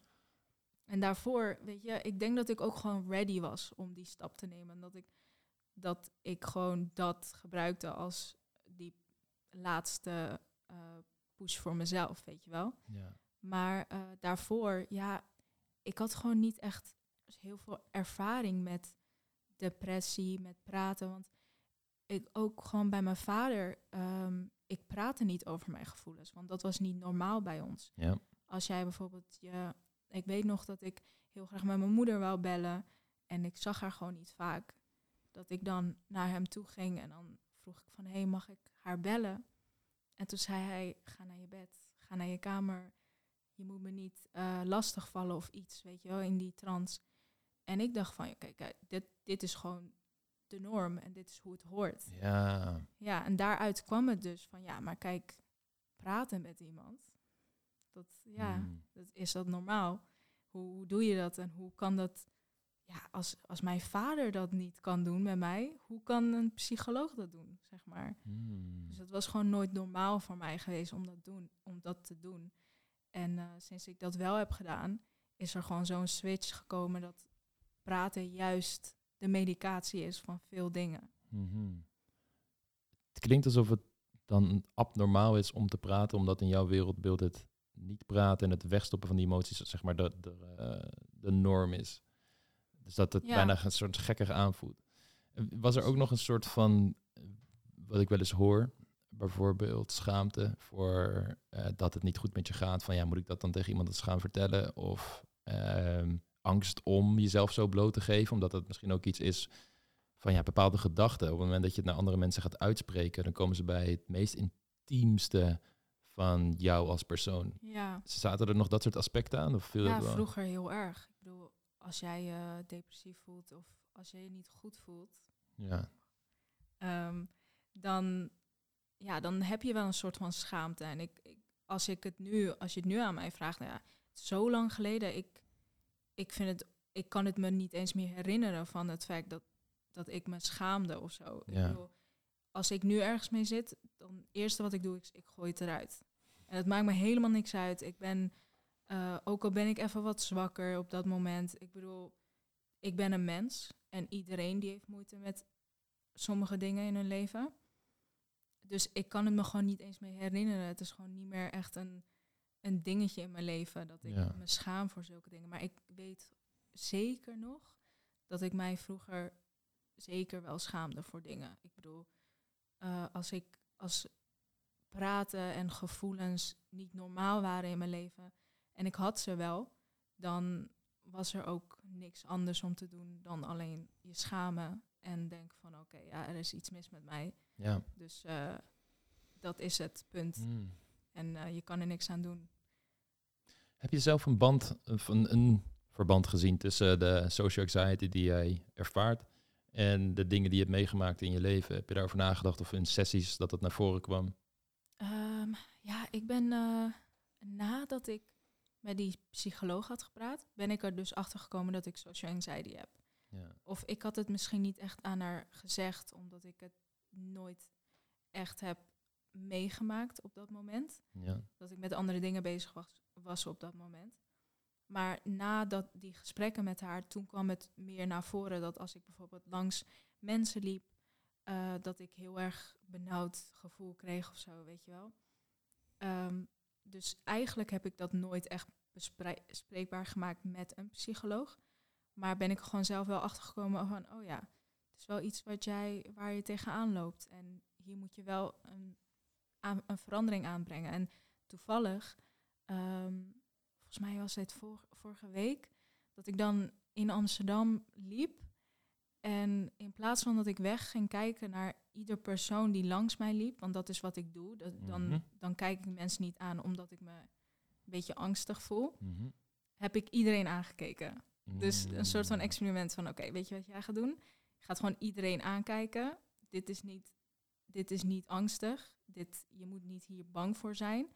En zulke experimenten, experimenten voor mezelf gewoon opleggen dat ik gewoon mm, mezelf een beetje push. Van oké, Ja, dit vind nice. jij eng, maar je, je kan dit. Dus Ja. doe het. Ah, dat is huge. Dat is huge. Het is grappig. Ik heb een. eh, ik raad het ook vaak aan aan deelnemers van cursussen, vooral mannen die socialer willen worden. Van hey, precies Ja. dit soort dingen, ga dat doen. Ik kan mezelf herinneren toen ik een jaartje of 17, 18 was, vooral als tiener, 15, 16, dat stoer zijn soort van de, de, het ding was waar je validatie voor en respect voor kreeg Ja. eh, van je vrienden, noem maar, maar op. Dus wie is hier het hardst? Wie kan hier, durft hier op de vuist te gaan als hij gedisrespecteerd wordt en dat soort dingen. Ja, En eh, het interessante toen, ik dus begin twintig, goed ging nadenken over mijn leven, waar het heen ging, dat ik dacht, ja, maar dat is helemaal niet hoe ik wil zijn. Dat is, dat is totaal niet hoe ik in het leven wil staan. En dat ik toen ook dit soort dingen ging doen. En bijvoorbeeld hele kleine, hele kleine experimentjes. Gewoon de buschauffeur met een grote glimlach groeten en Oh, zeggen hoe ja. gaat het. En maar ook dit, ik herken het heel erg, dat als je op straat loopt, en vooral als, als het een lege straat is, en er komt Ja. één persoon je tegemoet. Dan, dan het In is grappig. En ik dat je wegkijkt of zo, dan ben je gewoon blij. En dan zeg je van, hey, Ja, misschien zelfs hey zeggen. In Amsterdam is dat, eh, zie je net mensen dan soms echt... veel mensen. Ja, maar, als je, Ja. maar als je, soms heb je gewoon een stille straat en er loopt maar één Ja. persoon. En het op, dat, op die momenten gewoon gaan doen. En, Goedemiddag of zo. en er oké mee zijn, zelfs als die persoon zelf daar niks mee kan op Ja. dat moment. En dat, het hoeft ook niet geforceerd van ik moet dit doen, want Ja. anders dan ben ik niet meer eh, sociaal bezig en ben ik gelijk weer heb ik een terugval. Dus dat is ook weer een soort interessant Ja. ding. Het is ook oké om een keer iemand niet te groeten of niet die Ja, je glimlach te moet hebben. wel gewoon een balans hebben. inderdaad. Ja, maar om in ieder geval mee te experimenteren en te ervaren hoe het is, is echt een ontzettend waardevolle opdracht aan jezelf om met dat soort socia- sociale angsten om te gaan. Zeker. Precies, ja, dus dat, daar ben ik nu wel echt mee bezig, volaan. Kijken van, oké, waar, eh, waar heb jij moeite mee? Ja. En dat pak je aan op verschillende manieren. Of eh, wat jij, waar ik me gewoon op dat moment waar ik aan denk. Dus zoals ik ook had van, oké, je gaat nu naar buiten. En Ja. het is in Amsterdam, heel veel mensen zijn hier. In plaats van dat je steeds wegkijkt en benauwd krijgt, dan kijk je gewoon die mensen aan. En het kan dus met alles. Dus elke situatie waarvan je denkt van, oké, maar dit vind ik, dit vind ik een beetje eng. Ja. Eh, dus dan moet je het juist doen. Doe, doe het gewoon, zeg maar, je, je verliest er niks mee. Die mensen die zie je één seconde en die gaan zo weer weg. Maar eh, op een of andere manier heb je wel echt een veel betere dag of zo. Om alleen maar één ding te veranderen. Hmm. En eh, je voelt je wat blijer ook. Dus Hmm. ik zou echt niet weten waarom ik nu dan steeds die angsten bij me hou. Dus nu is daar al een heel groot verschil in ge- Ja. gekomen. Ja, het is boeiend omdat eh, als je kijkt naar heel veel werk van Carl Jung, bijvoorbeeld over schaduwkant en dingen die we wegstoppen, waar we gewoon angsten waar we overweldigd door kunnen raken in het dagelijks leven, niet naar Ja. kijken, gewoon vermijden de triggers, zodat we die vervelende emoties niet hoeven te ervaren. Mm. Alleen het is een strategie die nooit werkt, want je wordt continu in verschillende situaties altijd geconfronteerd met de dingen die je niet durft aan te kijken. En als je altijd wegkijkt, gaat dat je leven beïnvloeden. En kun je niet meer richten op datgene waar je graag naartoe wil, omdat je het wegkijkt voor alles. Het, het boeiende daarvan is ook weer dat als je dit dan eenmaal gaat doen, wat ik ook wel weer bij mensen zie, is dat het een poosje goed gaat en het gaat lekker. Maar soms, oké, je gaat even op vakantie met oude vrienden bijvoorbeeld en je valt weer terug in wat oude patronen en je komt weer in Nederland. En die gewoonte die je erin aan het bouwen was en de, de groei die je aan het ervaren was, dat het weer teniet is achteruit. bijvoorbeeld. Ja, Ja, en dat er dan misschien weer twijfel komt van, oh, maar ben ik dan wel veranderd? En, en is het wel echt zo? Of, is het Ja. allemaal, of ben ik nog steeds die oude persoon? En dat soort mindgames die daar dan ook weer allemaal bij gaan denk, spelen. ja, precies. Maar kijk, het ding is, jij, eh, de dingen die jij meemaakt in je leven, die hebben natuurlijk, die komen ergens vandaan. Dus ehm, ja, die social anxiety van mij, die komt waarschijnlijk door iets in mijn verleden. In, in eh, dingen die ik zei over mijn vader waarschijnlijk. Eh, of iets anders natuurlijk. Ehm, dat is een ophoping van jaren. En je hebt gewoon jaren bepaalde dingen meegemaakt waardoor jij eh, in een depressie komt. Of social anxiety hebt, of anxiety over het algemeen. Ehm, dus verwacht niet dat jij in een paar weken of een paar maanden of misschien wel een paar jaar zo'n gewoonte kan oplossen. Dat is niet mogelijk. Absoluut. Dus mensen die, die ehm, vergeten ook soms dat zij problemen van ophoping, jarenlang ophoping, in een paar maanden willen veranderen. Dat is bijna onmogelijk. Dus je moet je jezelf ook tijd geven. Je moet jezelf ook tijd gunnen en respect, vooral voor jezelf. Uh, met liefde om dingen te veranderen uiteindelijk. Maar ja, uh, dat, ja je, sommige mensen beseffen dat gewoon niet. En dat snap ik ook wel. Ik bedoel, als ik uh, kijk naar mijn social anxiety, dan denk ik ook van ja, maar dat, dat komt gewoon van iets doms. Weet je wel, dat kan ik zo wel veranderen. Maar ik weet ook gewoon dat het kost gewoon moeite en dat kost tijd. Maar het is een leuke experience en dat moet je ook gewoon een soort van licht opvatten in plaats van dat je het zo, zo heftig maakt voor Mhm. jezelf. Ja. En kijk, en jij hebt de stap gezet om de angst in je leven onder ogen te komen. Mm. En het, doet me altijd denken aan eh, Joseph Campbell en The Hero's Journey, dat de hero een soort calling heeft. Eh, de Star Wars films zijn daar bijvoorbeeld op gebaseerd. En dan moet hij uiteindelijk een draak gaan verslaan. Mhm. En draak staat dan weer heel erg symbool voor bepaalde, meestal angst in jezelf, maar ook wellicht dingen in de buitenwereld. En als je die draak verslaat, dan vind je de buit, de prinses, de schat, wat het ook is. En dat is hoe ik het zie, het soort leven wat je gaat leiden, vrij van, of niet vrij van die angsten, maar in ieder geval heb je ze overwonnen. En Ja. in dat proces waarin je die draak voor moet verslaan en al die uitdagingen moet uitdagen, groei je als persoon zodat je de uitdaging tegemoet komt. En als winnaar uit die, die strijd komt als het ware. Het is een soort evolutionaire druk die ervoor zorgt dat jij jezelf gaat ontwikkelen als persoon. Ja. Eh, ja, ik dat denk is ook wel dat je, je moet niet ehm, je angsten en de dingen die jij hebt meegemaakt, dat je die weg moet hebben uit je leven. Ik denk dat je gewoon Ja, die dingen mee moet heb, nemen, maar je moet ermee kunnen leven. ja. En mensen die willen het gewoon zo snel mogelijk uit hun leven verwijderen. En ik snap dat ook wel hoor, maar ik denk dat als jij ermee kan leven, dat dat veel sterker is voor 100%. jou. Ik, ehm, een van de meest gestelde vragen die ik krijg is bijvoorbeeld aanspreekangst. Vooral bij mannen. Van ja, ik durf niet op vrouwen af te stappen. Ook niet in een bar, niet op een feestje, niet op straat. Ja. Wanneer, na hoeveel keer aanspreken, is die angst weg? En het Heb antwoord je ook eh, wel eens gevraagd aan mannen eh, waarom ze dat hebben? zeker. En er komen heel veel verschillende redenen bij Ja. kijken. Je hebt mensen die in soortgelijke situaties zijn opgegroeid zoals jou. En op het moment dat jij een eh, ouder of, meerdere, of beide ouders hebt die op de belangrijke momenten niet zijn afgestemd op de behoeftes van het kind, Ja. dan leer je als kind ook, tenminste kan je leren, dat jij er blijkbaar niet toe doet. Of dat jij je op een bepaalde manier moet gedragen om goed genoeg te zijn om die liefde en erkenning te krijgen. Dus wat dat doet, is dat je daar bijvoorbeeld een negatief zelfbeeld aan over kan houden, je eigen waarde niet al te hoog is. Wat zich natuurlijk ook weer uit in hoe jij in alle andere sociale en romantische contacten gaat staan vanaf dat moment. Dus dat is een soort innerlijk werk wat je hebt. Maar daarnaast is er ook gewoon een evolutionair ding dat wij als mens goedkeuring van andere mensen willen, omdat we een groepsdier zijn. Wat goed is, want daardoor houden we ons allemaal aan dezelfde normen, waarden in de maatschappij. Mhm. En kunnen we samenwerken? Eh, weet je, we hebben allemaal theory of mind. We denken na over wat de andere persoon denkt en hoe ze naar ons kijken. We zijn proberen empathisch te zijn hier en daar. Dus er zitten heel veel goede dingen aan. Ja. Maar tegelijkertijd houdt het je ook tegen als je het je altijd laat leiden, omdat emoties niet altijd rationeel zijn. Soms is het eng om op iemand af te stappen, omdat die persoon je kan afwijzen. Maar dat triggert waarschijnlijk iets van, als ik deze afwijzing krijg, kan dit gigantische grote gevolgen hebben voor mijn acceptatie binnen de groep. En als ik Ja. buiten de groep kom te staan, dan ben ik basically fucked als mens, evolutionair Ja, gezien. precies. Want in mijn eentje ga ik niet overleven in de wildernis. En volgens mij zitten dat soort ste- systemen zo diep in ons.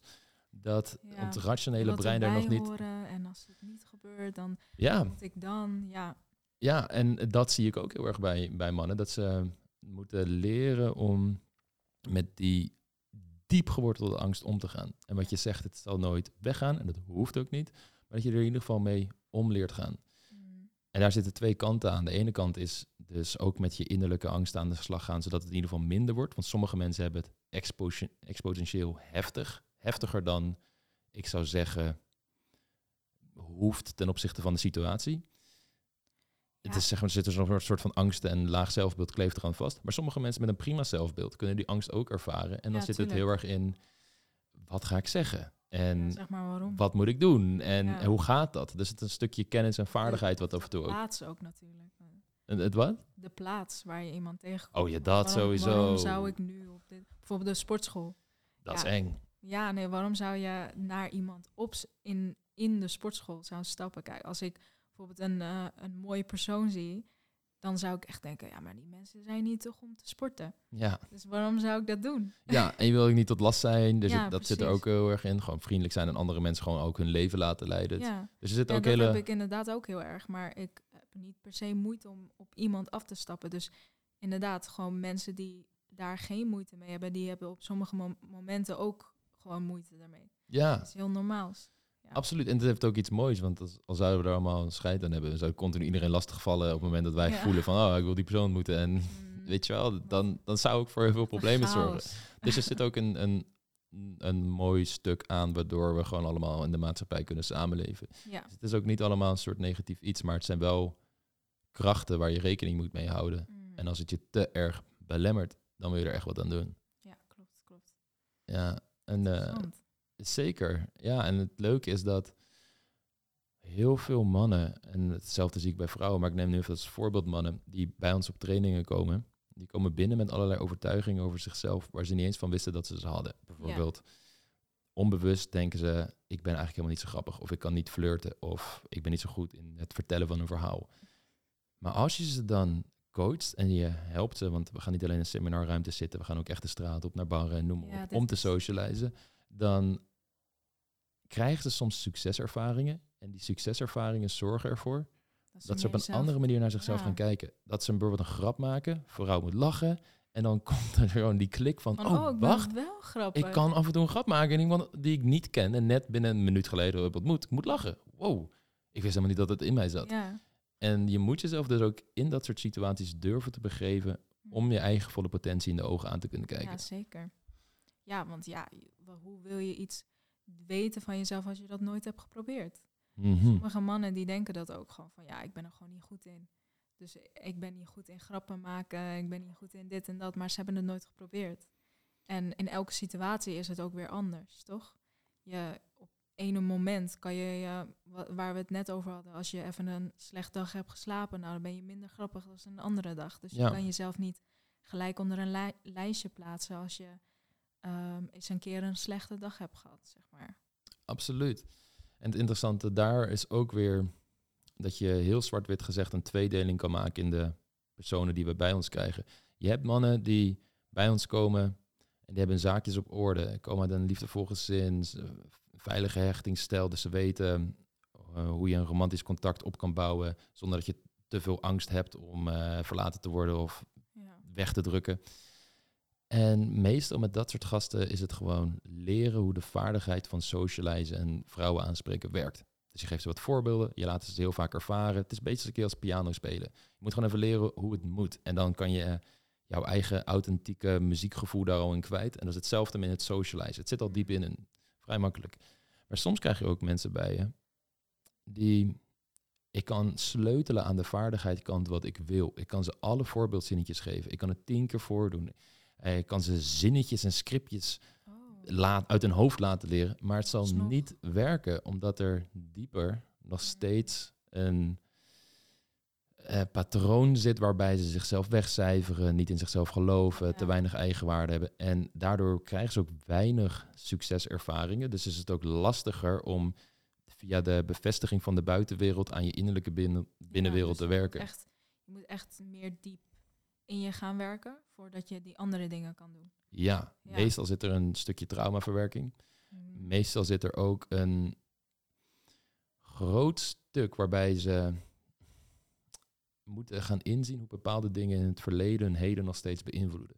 Ja. Ehm, een, een heel simpel voorbeeld is bijvoorbeeld een, eh, een kerel die dan ge- gepest is, maar echt flink gepest en daardoor denkt dat mensen niet op hem zitten te wachten.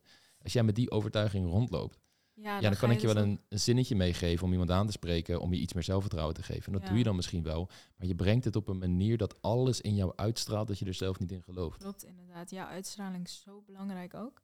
Mensen, eh, als jij door een straat heen loopt met je gezicht naar beneden en je hebt er geen zin in, dan iedereen ziet dat om je heen. Maar als jij Ja. met de instelling loopt van ik heb er zin in en ik ben goed genoeg en ik ben veel beter dan dat, uh, dan ziet iedereen dat ook. Want ja. Je, ja, als jij met een vrouw praat op dat gebied, dan merkt zij dat ook gewoon heel duidelijk. Ja, ja en het leven kan je ook af en toe gewoon echt slechte kaarten geven voor dit gebied. Stel, um, moet ik nu aan een specifiek persoon denken die, als je puur kijkt naar zijn biologische kaarten, is hij wat meer neurotisch. Dus hij is iets meer gevoelig voor negatieve emoties, voor angsten. Hij is ook nog eens uh, absoluut niet extravert. Totaal niet. Heel erg ingetogen in zichzelf. Um, doet ICT, dus werkt met, uh, als, als programmeur. Dus hij is, hij is lekker met computers bezig en niet met mensen. Dus hij komt ook in het dagelijks leven weinig in contact met momenten waarop hij zijn sociale vaardigheden kan trainen. Um, komt uit een gezin waar uh, vader autistisch is. Dus ook die emotionele afstemming was heel lastig met pa. Uh, moeder deed haar best, maar had haar eigen problemen. Ook depressieve episodes, waardoor zij niet altijd de liefde kon geven en aandacht aan die kinderen geven die ze nodig hadden. Dus ja, dat allemaal bij elkaar opgeteld. Ja. En dan ga je het leven in en je, je leeft verder. En het is niet per se dat je dan automatisch gewoon al vak bent of wat dan ook. En het is niet meer recht nee, trekken. Maar wat ik dan moet doen, is iemand ook nog eens het pad van ontmoeting tot relatie tonen. En wat daarin gebruikelijk is. Welke, hoe je op bepaalde dingen ingaat. Oh, uh, een vrouw over WhatsApp zegt dit op jouw datevoorstel. Vaak is dan zijn interpretatie van dat bericht totally off. Ja. Uh, en dan moet je ze als het ware uitleggen hoe sociale dynamieken werken. En ze daar de hele tijd feedback op geven. Want dat moeten ze dan zelf ook weer gaan doen, zodat ze die meters gaan maken. En je bent dan als het ware een sociale blauwdruk in hun hoofd aan het bouwen over hoe ze kunnen socializen en een romantische partner kunnen krijgen in dit leven. Jeetje, dat is wel echt veel, veel werk, man. Het is veel werk. maar ook wat ik zei dan, um, wat hij allemaal heeft meegemaakt. En de, ja, ik bedoel, ICT, geweldig als je dat kan. Ik bedoel, uh, ik kan helemaal niks van. Maar um, al die dingen die wegen wel gewoon op in hoe jij bent sociaal. En wat je ook allemaal zei met zijn ouders en zo. Uh, maar dat is ook wat ik zei van het, als jij daar een verandering in wilt brengen, dan is dat weer een proces die je aan moet gaan wat een tijdje gaat duren. Ja. En het gaat veel dieper.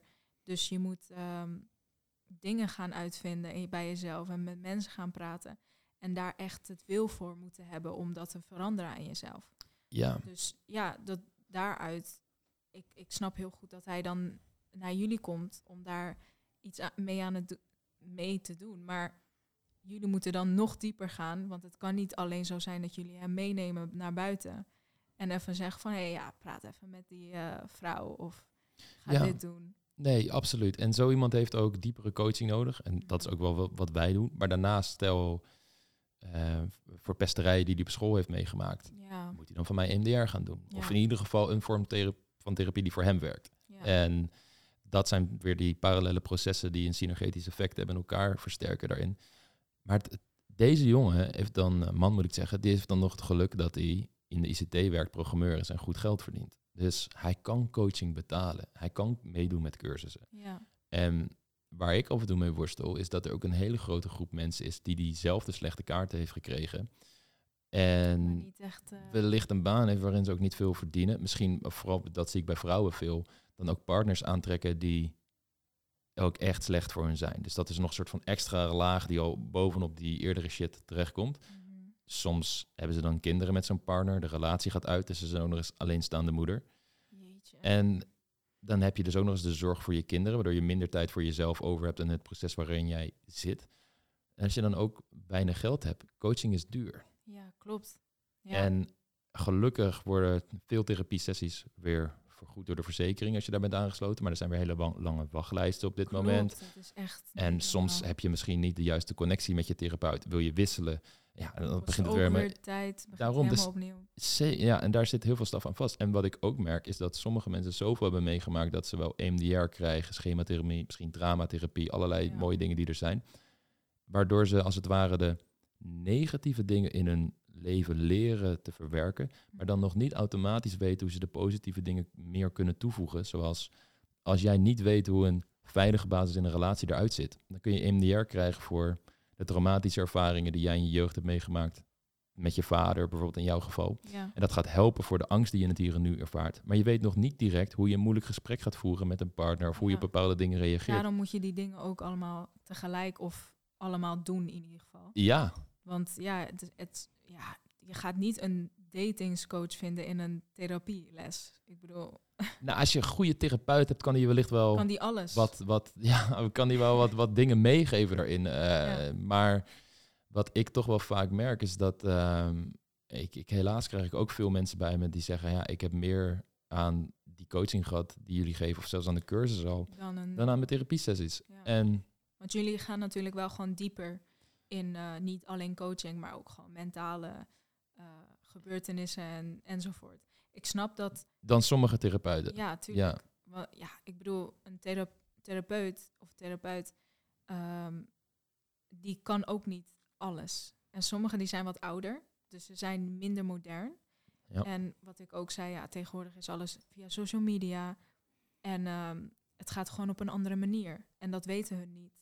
En eh, de meeste oudere mensen die dan tegen zulke dingen aanlopen, die weten niet zo goed eh, hoe zij dat moeten gaan fixen aan hunzelf. Dus als ze naar jullie komen, weten jullie precies van, oké, eh, dit is wat je wilt bereiken, maar dit is waar je tegenaan loopt. Dus we gaan er zo mee aan de slag. ja, Zoals een WhatsApp-gesprek bekijken en zoals eh, wat dieper gaan, gaan op die mentale gebeurtenissen in hun hoofd, zeg maar. ja, echt de meest pragmatische dingen van welke berichtjes stuur je in, in de dating tot wat denkt de man en wat zijn de mindsets die je wil hebben die aantrekkelijk zijn. Ja, Ja. zeker. En dat is een, een Denken jullie ook, eh, een beetje een, eh, een rare vraag, maar eh, knippen we eruit, jullie, komt goed. dat jullie alles weten? Dat gaat niet. Oh, alles. Nee, dat, Nee, hoe- absoluut niet. Hoe ontwikkel, ontwikkel jij je specifiek daarin dan? Gewoon veel lezen en meer onderzoek doen? Of is Ja. het meer specifiek naar wat, zeg maar de mensen die naar jullie toe komen of in de praktijk? Alles ook. Ehm, kijk, ik heb psychologie gestudeerd, dus je krijgt Ja. die wetenschappelijke kennis mee en hoe je naar onderzoeken moet kijken. Dus dat krijg je mee. Dan heb je een tweede ding, gewoon boeken lezen over Ja. dating, relaties, gewoontes. Daarmee doorgaan en zo. Zeker, dus dat is een hele belangrijke. Dan heb je online cursussen. Die je zelf ook weer volgt bij andere coaches of bij bekende therapeuten. Eh, bijvoorbeeld een eh, Esther Perel, een Gabor Mate. Dat zijn grote voorbeelden van mij, van wie ik weer veel leer. Ja.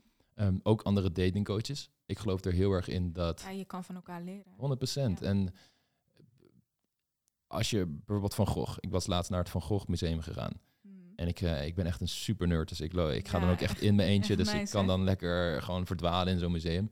En als je dan ziet dat hij zich de hele tijd laat inspireren door de, zijn peers, maar ook mensen die voor hem kwamen en de schilderkunst. En iedereen is de hele tijd van andere mensen aan het absorberen en probeert daar iets nieuws mee te creëren.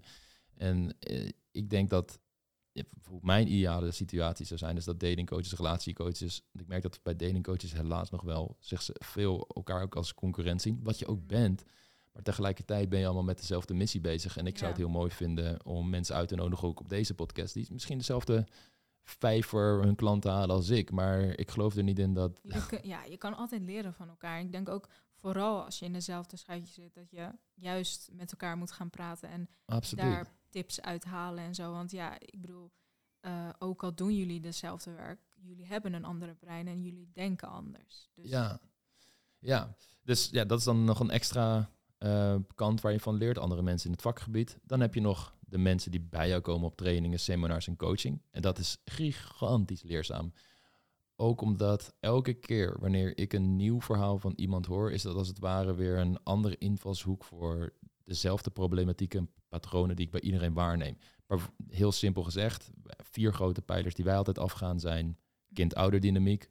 Daar hebben we het bij jou over gehad met jou en de relatie tot je vader bijvoorbeeld en dingen die daar gebeuren. ja. Je hebt andere negatieve gebeurtenissen in je leven. Denk bijvoorbeeld aan pesten, zoals bij die jongen, die man gebeurd was. Eerdere relaties. Oké, wat is daar allemaal in gebeurd? Stel, je Ja, komt met een narcistische man in een relatie en, en je, je voelde je best oké, maar je bent zo kapot gemanipuleerd en kapot gemaakt in zo'n relatie. Of je bent met handen of, of, of, of je bent gewoon jezelf een beetje verloren in die relatie omdat je te veel samensmolt. Whatever het is, dat geeft ook weer een tik.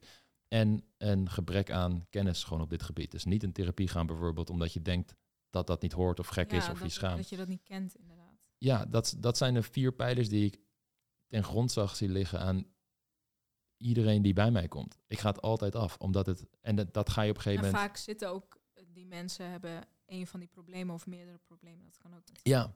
En op een gegeven moment krijg je zoveel casussen voorgeschoteld dat je die patronen gaat zien. Dus je gaat, eh, die, het wordt een grote puzzel waar je steeds meer puzzelstukjes van hebt.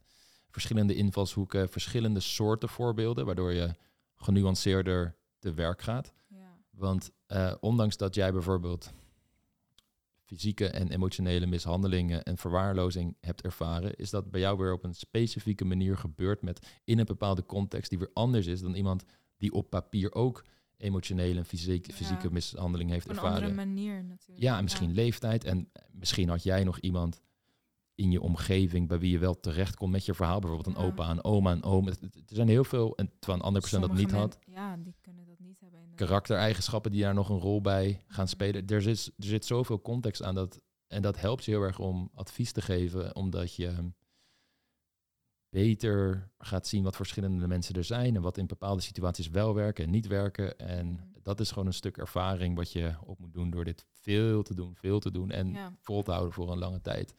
ja, het is echt een never ending story. Ja, je bent continu aan het leren, want ja, het is een menselijk brein. Ik bedoel, je kan wel vier dingen hebben die je steeds afgaat, ja. maar misschien komen er ook wel nieuwe dingen die je niet kent. Er komen nu alweer nieuwe dingen. Denk aan ehm, MDMA-based therapy bijvoorbeeld. Wat een therapievorm is waarbij mensen een kleine dosering van MDMA krijgen Oh om traumatische ervaringen te verwerken. Tenminste, het is niet de EN MDMA die dat dan verwerkt, maar dat Ja. stelt jou open. ehm, als het goed is, als ik me goed herinner, het is poosje geleden dat ik die op ingelezen had, is dat bijvoorbeeld de activiteit van de amygdala, je angstcentrum in het brein, vermindert, waardoor je makkelijker bij bepaalde gebeurtenissen komen die je anders zouden overweldigen. Ja, En vervolgens heb je een therapeut bij je die jou helpt om. Ja dus Dat dan te verwerken. Echt, Het is eh, wel echt een therapievorm. ja. Maar ja, dat is alweer iets totaal Ben je nieuws. niet helemaal aan het spacen? nou, wel lichtelijk denk ik wel. Ik denk wel. Het is ook. Tijd eh, van je leven. therapie. ja, ik moet nog wel een keer terugkomen hoor, Doc. Want eh, ja, Ja. en kan het een keer op zaterdagavond om acht uur een beetje, dat ik dan de therapie heb, Hmm, daarna nog wat dingen te doen. Ja, Dat is wel echt een, eh, een, een leuke thera- therapie, lijkt mij. ja gewoon eh, lekker een beat Ja, aan op de achtergrond. Ik, en, ik weet nog dat ik, ehm, wanneer was dit? Ja, ik was vroeger altijd anti-drugs, anti-alcohol. Mhm. Ik vond het gewoon niks aan. Ik Ja. dacht, mijn moeder en ja, mijn vader die dronk wel, maar ik zag het niet echt, weet je wel. ja. Mijn moeder die, eh, die drinkt nooit. Die heeft misschien twee keer in haar leven gedronken. Dat is gewoon niet, niet haar norm en niet in de cultuur en zo. Mm, maar zo ben ik opgegroeid. Dus op een gegeven moment dacht ik van ja, maar in Nederland is dat zo normaal. Elke weekend, elke week. Mm, toen had ik er op een gegeven moment een beetje interesse ernaar. Dit was vorig jaar en toen begon ik pas echt wel met een drankje of zo, weet je wel. Ik was best wel laat in de game. Maar eh, gelijk ook aan drugs.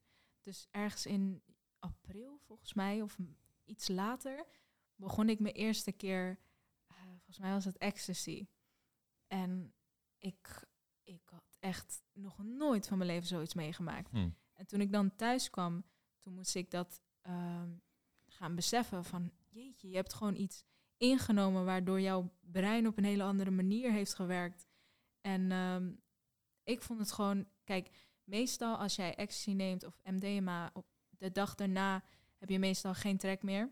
En ehm, dan heb je ook waarschijnlijk die dinsdagdip en je voelt je sad, want je hebt Mhm. alle dopamine, ja, je hebt het allemaal opgemaakt. Ja. Het moet weer opkomen. Serotonine levels moeten weerstellen. Ja. Precies. En eh, de eerste keer dat ik het had genomen, dat was niet veel.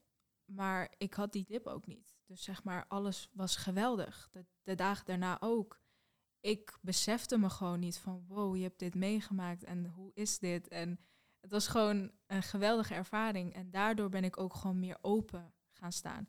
Niet voor drugs specifiek. Niet dat Mhm. ik helemaal drugsverslaafd was, maar ehm, het was meer van, oké, er zijn meer dingen die je kan beleven in het leven en sta daarvoor Mm. open. Mm. En als je interesse hebt, probeer die dingen te doen. En eh, ik wil hier niet mee zeggen dat je drugs moet gaan uitproberen. Voordat we wat claims krijgen hier. Ja, goed zo. Nee, nee, nee. Nee, maar ik bedoel, bedoel specifiek van, ik zei heel vaak nee in mijn leven. Mm. Dat ik dacht van, nee, ja, nee, dat kan niet. Maar ook als ik geïnteresseerd was in dingen, bijvoorbeeld gewoon een uitje, weet je wel.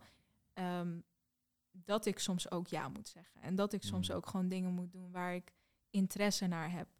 Ook al was dat altijd in mijn leven zo geweest dat dat gewoon niet normaal is, weet je wel. Drugs en alcohol is natuurlijk best wel slecht voor je. Maar als jij met mensen om je heen bent waar jij een vertrouwd gevoel bij hebt en wel eens een keer een drankje kan doen en zij letten op jou, dan en je, je wil dat natuurlijk, dan vind ik niet dat je dat tegen moet houden bij jezelf, zeg maar. Ja, abs- absoluut. En ik, ik, ik ehm, kom uit een familie waar verslaving veel voorkomt. En het is altijd een gevoelig onderwerp geweest. Ja. Maar ik zelf heb ook altijd de schoonheid van dit soort middelen ingezien, omdat ik weet dat het je ervaring kan geven die je daadwerkelijk verder helpen in het leven. Mm. Maar zoals met alles, de context is daarin weer zo belangrijk. Met wat voor mindset ga je het doen? Waar Ja, ga je doen? Hoe vaak ga je het doen? Met Je wie je ga je doen? voelen. Hoeveel ga je het doen? Al, niet eens per se, zou ik zeggen. Ik denk zelfs dat er... Is, Ja. Maar dat is ook weer hangt af van de Dit context. zei jij inderdaad eens een keer, dat als jij eh, dingen zijn, trauma's die je moet verwerken, dat je bijvoorbeeld een bepaalde drugs kan doen, waardoor jij eh, realisaties kan hebben en op een goede manier. Dus, maar ik Ja. denk ook wel dat dat met de drugs te maken heeft. Als jij naar een festival gaat en je bent super depressed en je gaat even ecstasy doen, ja, omdat Kijk, je depressed bent, snap je? Zeg maar, je moet niet... Nee, dat is natuurlijk nooit goed. Maar precies dat is wat ik bedoel met, met de context. Kijk, al ga jij een eh, ayahuasca-sessie doen. Dat is Ja. een plant uit... ehm, de mensen die luisteren, voor de, een plant uit eh het Amazonegebied. Mm, Een heel ritueel zit daar omheen. En als je dat met de juiste shamaan doet, met het juiste ritueel, Ja, de ja. juiste voorbereiding ook, dat je er naartoe gaat leven, een intentie zet, de juiste begeleiding, mm. kan het een hele mooie ervaring zijn. Terwijl je wel misschien drie uur lang slecht gaat en dan never moet overgeven. Ja. Maar je kan wel dingen verwerken en angsten o- onder ogen komen in jouw visualisatie, Mm. die je gaan verder helpen in het leven op het moment dat de drugs zijn uitgewerkt. Tegelijkertijd denk ik dat er ook een waarde zit in een klein beetje ecstasy nemen op een festival en bepaald geluk in jezelf ervaren en in ieder geval weten dat het er zit. Wat het bij mij deed, ik zal het nooit vergeten, ik, was 18 geloof ik toen het voor, Voor het eerst, eerst. ecstasy deed en nam en Waar was dat? Weet je dat? op mijn verjaardag in een schuurfeest in de Bollenstreek waar ik Oh, vandaan heerlijk. kwam. Ja. ik werd 19 overigens die nacht. Ja. Dus eh, ja, in ieder geval. Maar wat het boeiende daarvan was, en dat besefte ik me later ook, is dat was voor het eerst dat ik zo'n zo'n serotonine rush door mijn lichaam voelde gaan. Ja. Je kent het wel, die tintelingen die door je lichaam heen gaan. Het boeiende was dat dat een soort geluksniveau is, wat ik later in mijn leven vaak heb ervaren Ja. zonder die drugs. En dat ik kon begrijpen wat het was. Precies. En ja. het openen voor mij een soort wereld dat ik, oh, dat klinkt weer zo neurderig wetenschappelijk, dat ik ging opzoeken van wat zijn de momenten waarop ik dit ervaar in mijn normale dagelijks leven en kan ik dat meer van maken. Waar ik achter kwam bijvoorbeeld, wat als ik dan een hele avond coaching sessies had gehad, dat ik Mhm. soms op, dan op de fiets naar huis zat en het was echt alsof er een soort ecstasy-pil was ingeslagen, want die Ja. rush ging door mijn systeem heen. Eh, super vrolijk en echt gewoon dat gevoel alsof ik net een, een halfje Ja. had gedropt, bij wijze van spreken. En dat soort ervaring kun je wel laten zien van, oh, maar er zit een soort plezier in jou wat je los kunt maken, waar je niet per se die middelen voor nodig hebt, Ja. maar, is- maar het, het zit er wel. al in je, ja, klopt. Ja, ik bedoel, kijk, zulke drugs, dat, dat is ook stofjes eh, gebruikt in jouw lichaam. Ja. Die jij al in je lichaam hebt. Dus ehm, inderdaad, als jij gewoon bepaalde dingen hebt gedaan en mm, de situaties in je leven die jou extreem blij maken, omdat je ook die drugs hebt ervaren, oké. ehm, je weet die level van blijdschap, die kan je dan op dat moment ook een soort van net een tikje extra maken Ja. omdat je weet hoe dat voelt. Dus ik heb dat ook heel erg met muziek en met, ehm, met sporten bijvoorbeeld. Als ik aan het sporten ben in een, in een fitnesszaal of zo, Ja. en ik heb goede muziek in, nou, dat voelt ook Mm. echt alsof ik drugs heb gedaan hoor. Ik denk ook dat de meeste mensen in, eh, in, in fitness specifiek dat gevoel wel hebben. Denk ik. De mensen die lekker gaan in die gym wel. Ja, zijn ook heel Ja. veel die denken, oké, hoeveel raps moet ik nog? Mag ik naar huis? Of vind ik dit toch Nee, stom? met die mentaliteit, dat moet je echt gaan veranderen, denk ik hoor. Ja, en je moet het leuk vinden. Je Ja, moet ja, het ook echt leuk vinden. Als je mij eh, hele dagen lang laat tafeltennissen... Nou, ik ken mezelf trouwens. Zodra ik het gevoel heb dat ik er beter in word, ga ik het automatisch leuk vinden. ja, ja, maar, klopt wel. ja, nee, ik snap Maar met je... fitness is dat ook zo. Ik bedoel, als jij Ja. prog- progressie ziet en je bent beter bezig dan de vorige dag, dan ga je ook opeens denken van wow, het kan, Ja. het kan beter, het, gevoel kan beter. Dus dan is het ook gelijk wat leuker. Ja, ja, zeker. Zeker. Het is interessant iets ook. Ik, mijn broer, ik heb een oudere broer, 2,5 jaar ouder. En toen ik uh, ongeveer 11 was, deed hij de push-ups. Oh, hij was 13 uh, Ja. push-ups, uh, sit-ups, allemaal van dat soort dingen. Ja, ik wil natuurlijk alles de- doen wat mijn oudere broer deed. Dus ik begon dat te doen. En eh, daarvoor judode en voetbalde ik al in totaal zes keer per week. Dus mijn hele leven draaide sin- om sport sinds ik drie jaar oud ben. Mijn hele identiteit is verweven met sport. Maar omdat ik vanaf mijn elfde ook sit-ups, push-ups en dat soort dingen ging doen, Ja, ontwikkelde ik net iets meer spiermassa dan dan je broer. normaal. Nou, niet dan mijn broer. Nee, dat is, Daar kom je niet. en eh, hij is anderhalve kop, groot, een kop groter dan ik. En eh, ik denk twee Matthijsen breder dan ik. Maar, eh, hij, maar wat het deed, was dat ik iets meer spiermassa had dan leeftijdsgenoten. Daar toen ik in de brugklas kwam, validatie voor kreeg van meisjes, maar ook van, van vrienden en, en noem maar op. En dat mijn hele identiteit daarom ontstond, dat ben ik, als het ware. Ja, En dat is dus weer heel interessant. Van Dat ik, jongs af aan, hè? Ja. van, van jongs af aan. Maar, het laat, maar wat het voor mij, ik heb er veel over na zitten denken. Wat als ik nou eh, niet meer mag sporten? Gewoon, wat doet dat met mijn zelfbeeld en zo? Wow. En wat me dat weer deed, was, deze is heel bewust en heel obvious, omdat het een fysiek kenmerk is. Maar er zijn zoveel dingen die we in ons hoofd over onszelf zeggen, die niet Mm. aan ons uiterlijk zijn af te lezen, waar we ook een identiteit in verstenigd hebben, die Ja, een, bijvoorbeeld, gisteren, ik was bij twee vrienden die allebei gitaar spelen. En ehm, ze doen allebei zangles. Dus we hadden het daarover. En op een gegeven moment zei ik, terwijl ik dat heel eng vind, leer mij eens iets. Leer mij eens hoe ik mijn, een toonhoogte kan houden of zo. Mhm. En toen zaten we opeens met de drie een nummer van Bluff te zingen. Nou, dat is iets wat, wat ik nooit vroeger zou durven of ja doen. en nu, nu wou je dat ervaren eigenlijk. Ja, dus je durft een soort van Ja, persoon, oh, tenminste hoe ik dat zie, het helpt heel erg om bepaalde karaktereigenschappen van jezelf te ontplooien, ondanks dat je Ja. identiteit hebt opgedaan van dat ben ik niet. ja, Ik ben echt in mijn hoofd geen muzikant of zanger, kan geen instrument bespelen. ja. Maar dat ben ik ik nu wel aan het ontdekken. En ik denk dat dat het stukje is wat zo interessant is, ook in het daten en relaties. Dat is niet anders. je moet ook niet denken dat, dat je niet iets bent. Ik denk niet dat je. ehm, het is gewoon niet waar. Je kan niet zeggen tegen jezelf: ik ben dat niet. Je, je hebt iets niet geprobeerd, je hebt iets niet eh, gespecialiseerd. Dat betekent niet dat je dat niet bent. Ja. Het kan zo zijn dat, eh, dat er een, eh, een hele grote zangeres vroeger gewoon nooit heeft gezongen en opeens heeft ze gezongen. En nu is ze opeens zangeres geworden.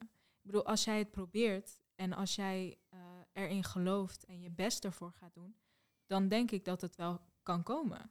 Als je er genoeg tijd in gaat stoppen, de Ja. juiste hulp krijgt, de juiste kennis opdoet, Precies. open staat voor feedback. En Mhm. Ja, het zeker, er, is een hele hoop mogelijk dingen in ieder geval. Ja, precies. Ja, Ik denk, niet, ja, ik denk echt niet dat je tegen jezelf kan zeggen dat je iets niet bent. Mhm. Ja. Het zou heel zonde zijn. ja, absoluut. Waar ik ook nog heel erg benieuwd naar ben is, eh, we hebben het nu over je persoonlijke leven al gehad op het gebied van wat je hebt meegemaakt, de Ja. dingen waar je doorheen bent gegaan. Hoe was jouw contact dan met jongens op de middelbare school en hoe is, hoe is dat tegelijkertijd geëvalueerd? Eh, middelbare school. Ik was echt helemaal niet bezig met jongens op de middelbare school. Ik, ik, natuurlijk zag ik gewoon jongens en dan dacht ik van hé, hey, een leuke jongen. Maar ik eh, was niet echt, echt actief bezig van oh, ik moet iets doen met die jongen of ik moet ehm, even contact zoeken en zo. Ehm, Oké, maar jongens Het- kunnen dat wel met jou hebben. Dus werd je wel benaderd of zo? Had je vriendjes? Of, eh, nee, ook niet. Nee, ik werd wel benaderd. Mhm. Maar ik was gewoon niet mee bezig. Ik, eh, ik had niet echt het gevoel van, oh ja, ik moet echt een vriendje hebben of dit en dat. Ik was meer bezig met, eh, met, me, met mezelf. Want Ja. ik was de hele tijd met mezelf aan het vechten. Dus ik denk dat dat de rol heeft gespeeld. Ja. Dat ik gewoon niet echt die jonge ervaring qua date, wil daten als ik jong was. Het was gewoon... Ik, soms hoor ik ook dingen van jonge, jonge meisjes. En dan denk ik echt van, joh, 14?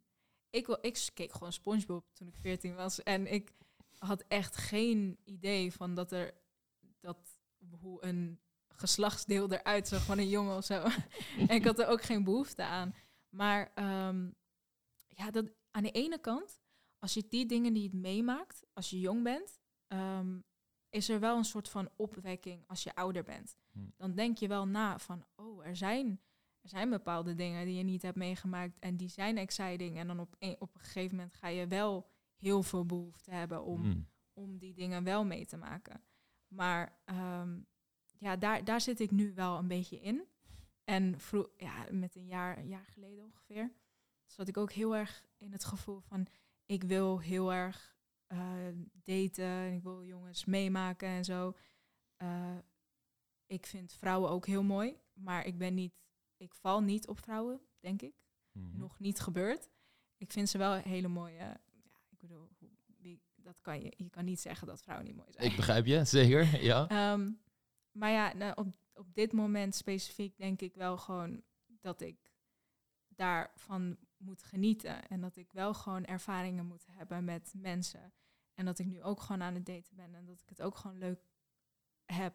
Maar vroeger moest ik eerst even mezelf gaan ontdekken en verbeteren. En daarin gewoon meer gaan eh, ja, opletten. Dus ik had er gewoon geen behoefte aan toen. Mhm. Ja, je worstelde met andere dingen op dat moment Ja, in je klopt. leven.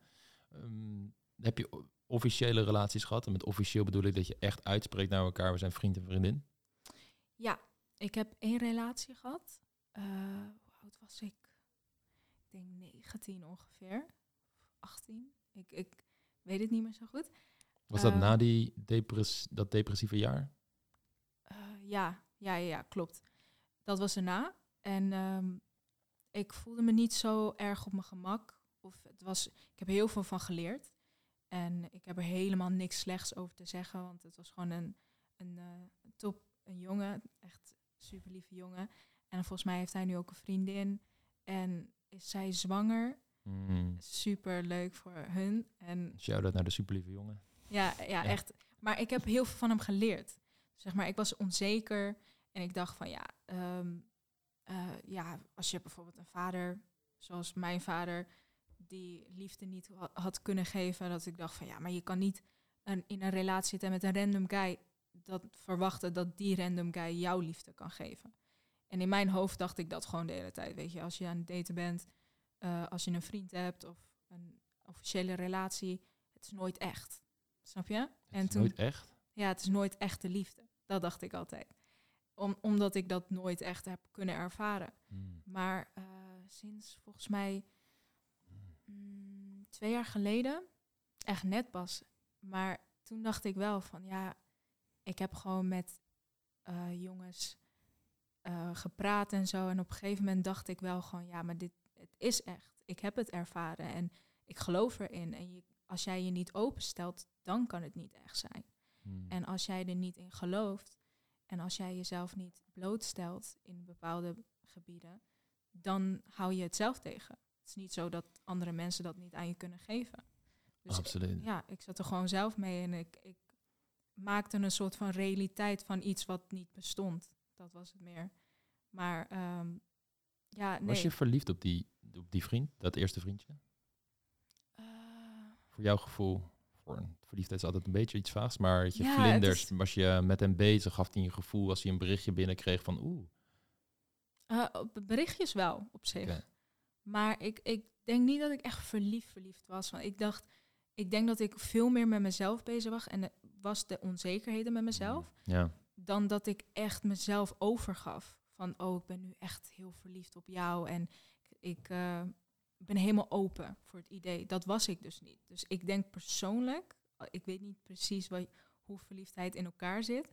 Maar eh, dat ik dat niet was op hem. ja. Maar daarbuiten heb ik wel gewoon hele leuke ervaringen met hem gehad. En heb ik gelachen met hem. En heb ik leuke ehm, memories en zo, weet je wel. Die, die dingen ga je, kan je altijd met iedereen hebben, ook gewoon met vrienden.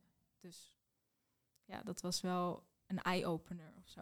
En Hmm. nu, ik stap Was niet het een eye-opener dat je op zo'n manier met iemand kan omgaan, met een man kan omgaan? Ja, ja, ja. dat dat mogelijk is. Ja, iemand die echt met waarschijnlijk gewoon goede gesprekken met je heeft, voor je Ja. klaar staat, op wie je kan vertrouwen. Precies, dat- die je gewoon even kan bellen als jij ergens mee zit of zo. In Want dat, plaats van te zeggen, hey, ik heb het druk, ga naar bed. Zoals je vader in zo'n instantie ja, zou doen. Ja, dus i- in mijn hoofd dacht ik ook van ja, hoe zit dat in elkaar of zo. Maar toen ik dat had meegemaakt, toen dacht ik ook van ja, het is wel iets fijns om te hebben. Ja, Maar en het, ge- het geeft je ook meer een blauwdruk voor hoe liefdevolle relaties eruit zien. Precies, ja. Hoe, hoe dingen kunnen zijn. Ja, Het hoeft niet altijd negatief te zijn. Het hoeft ook niet.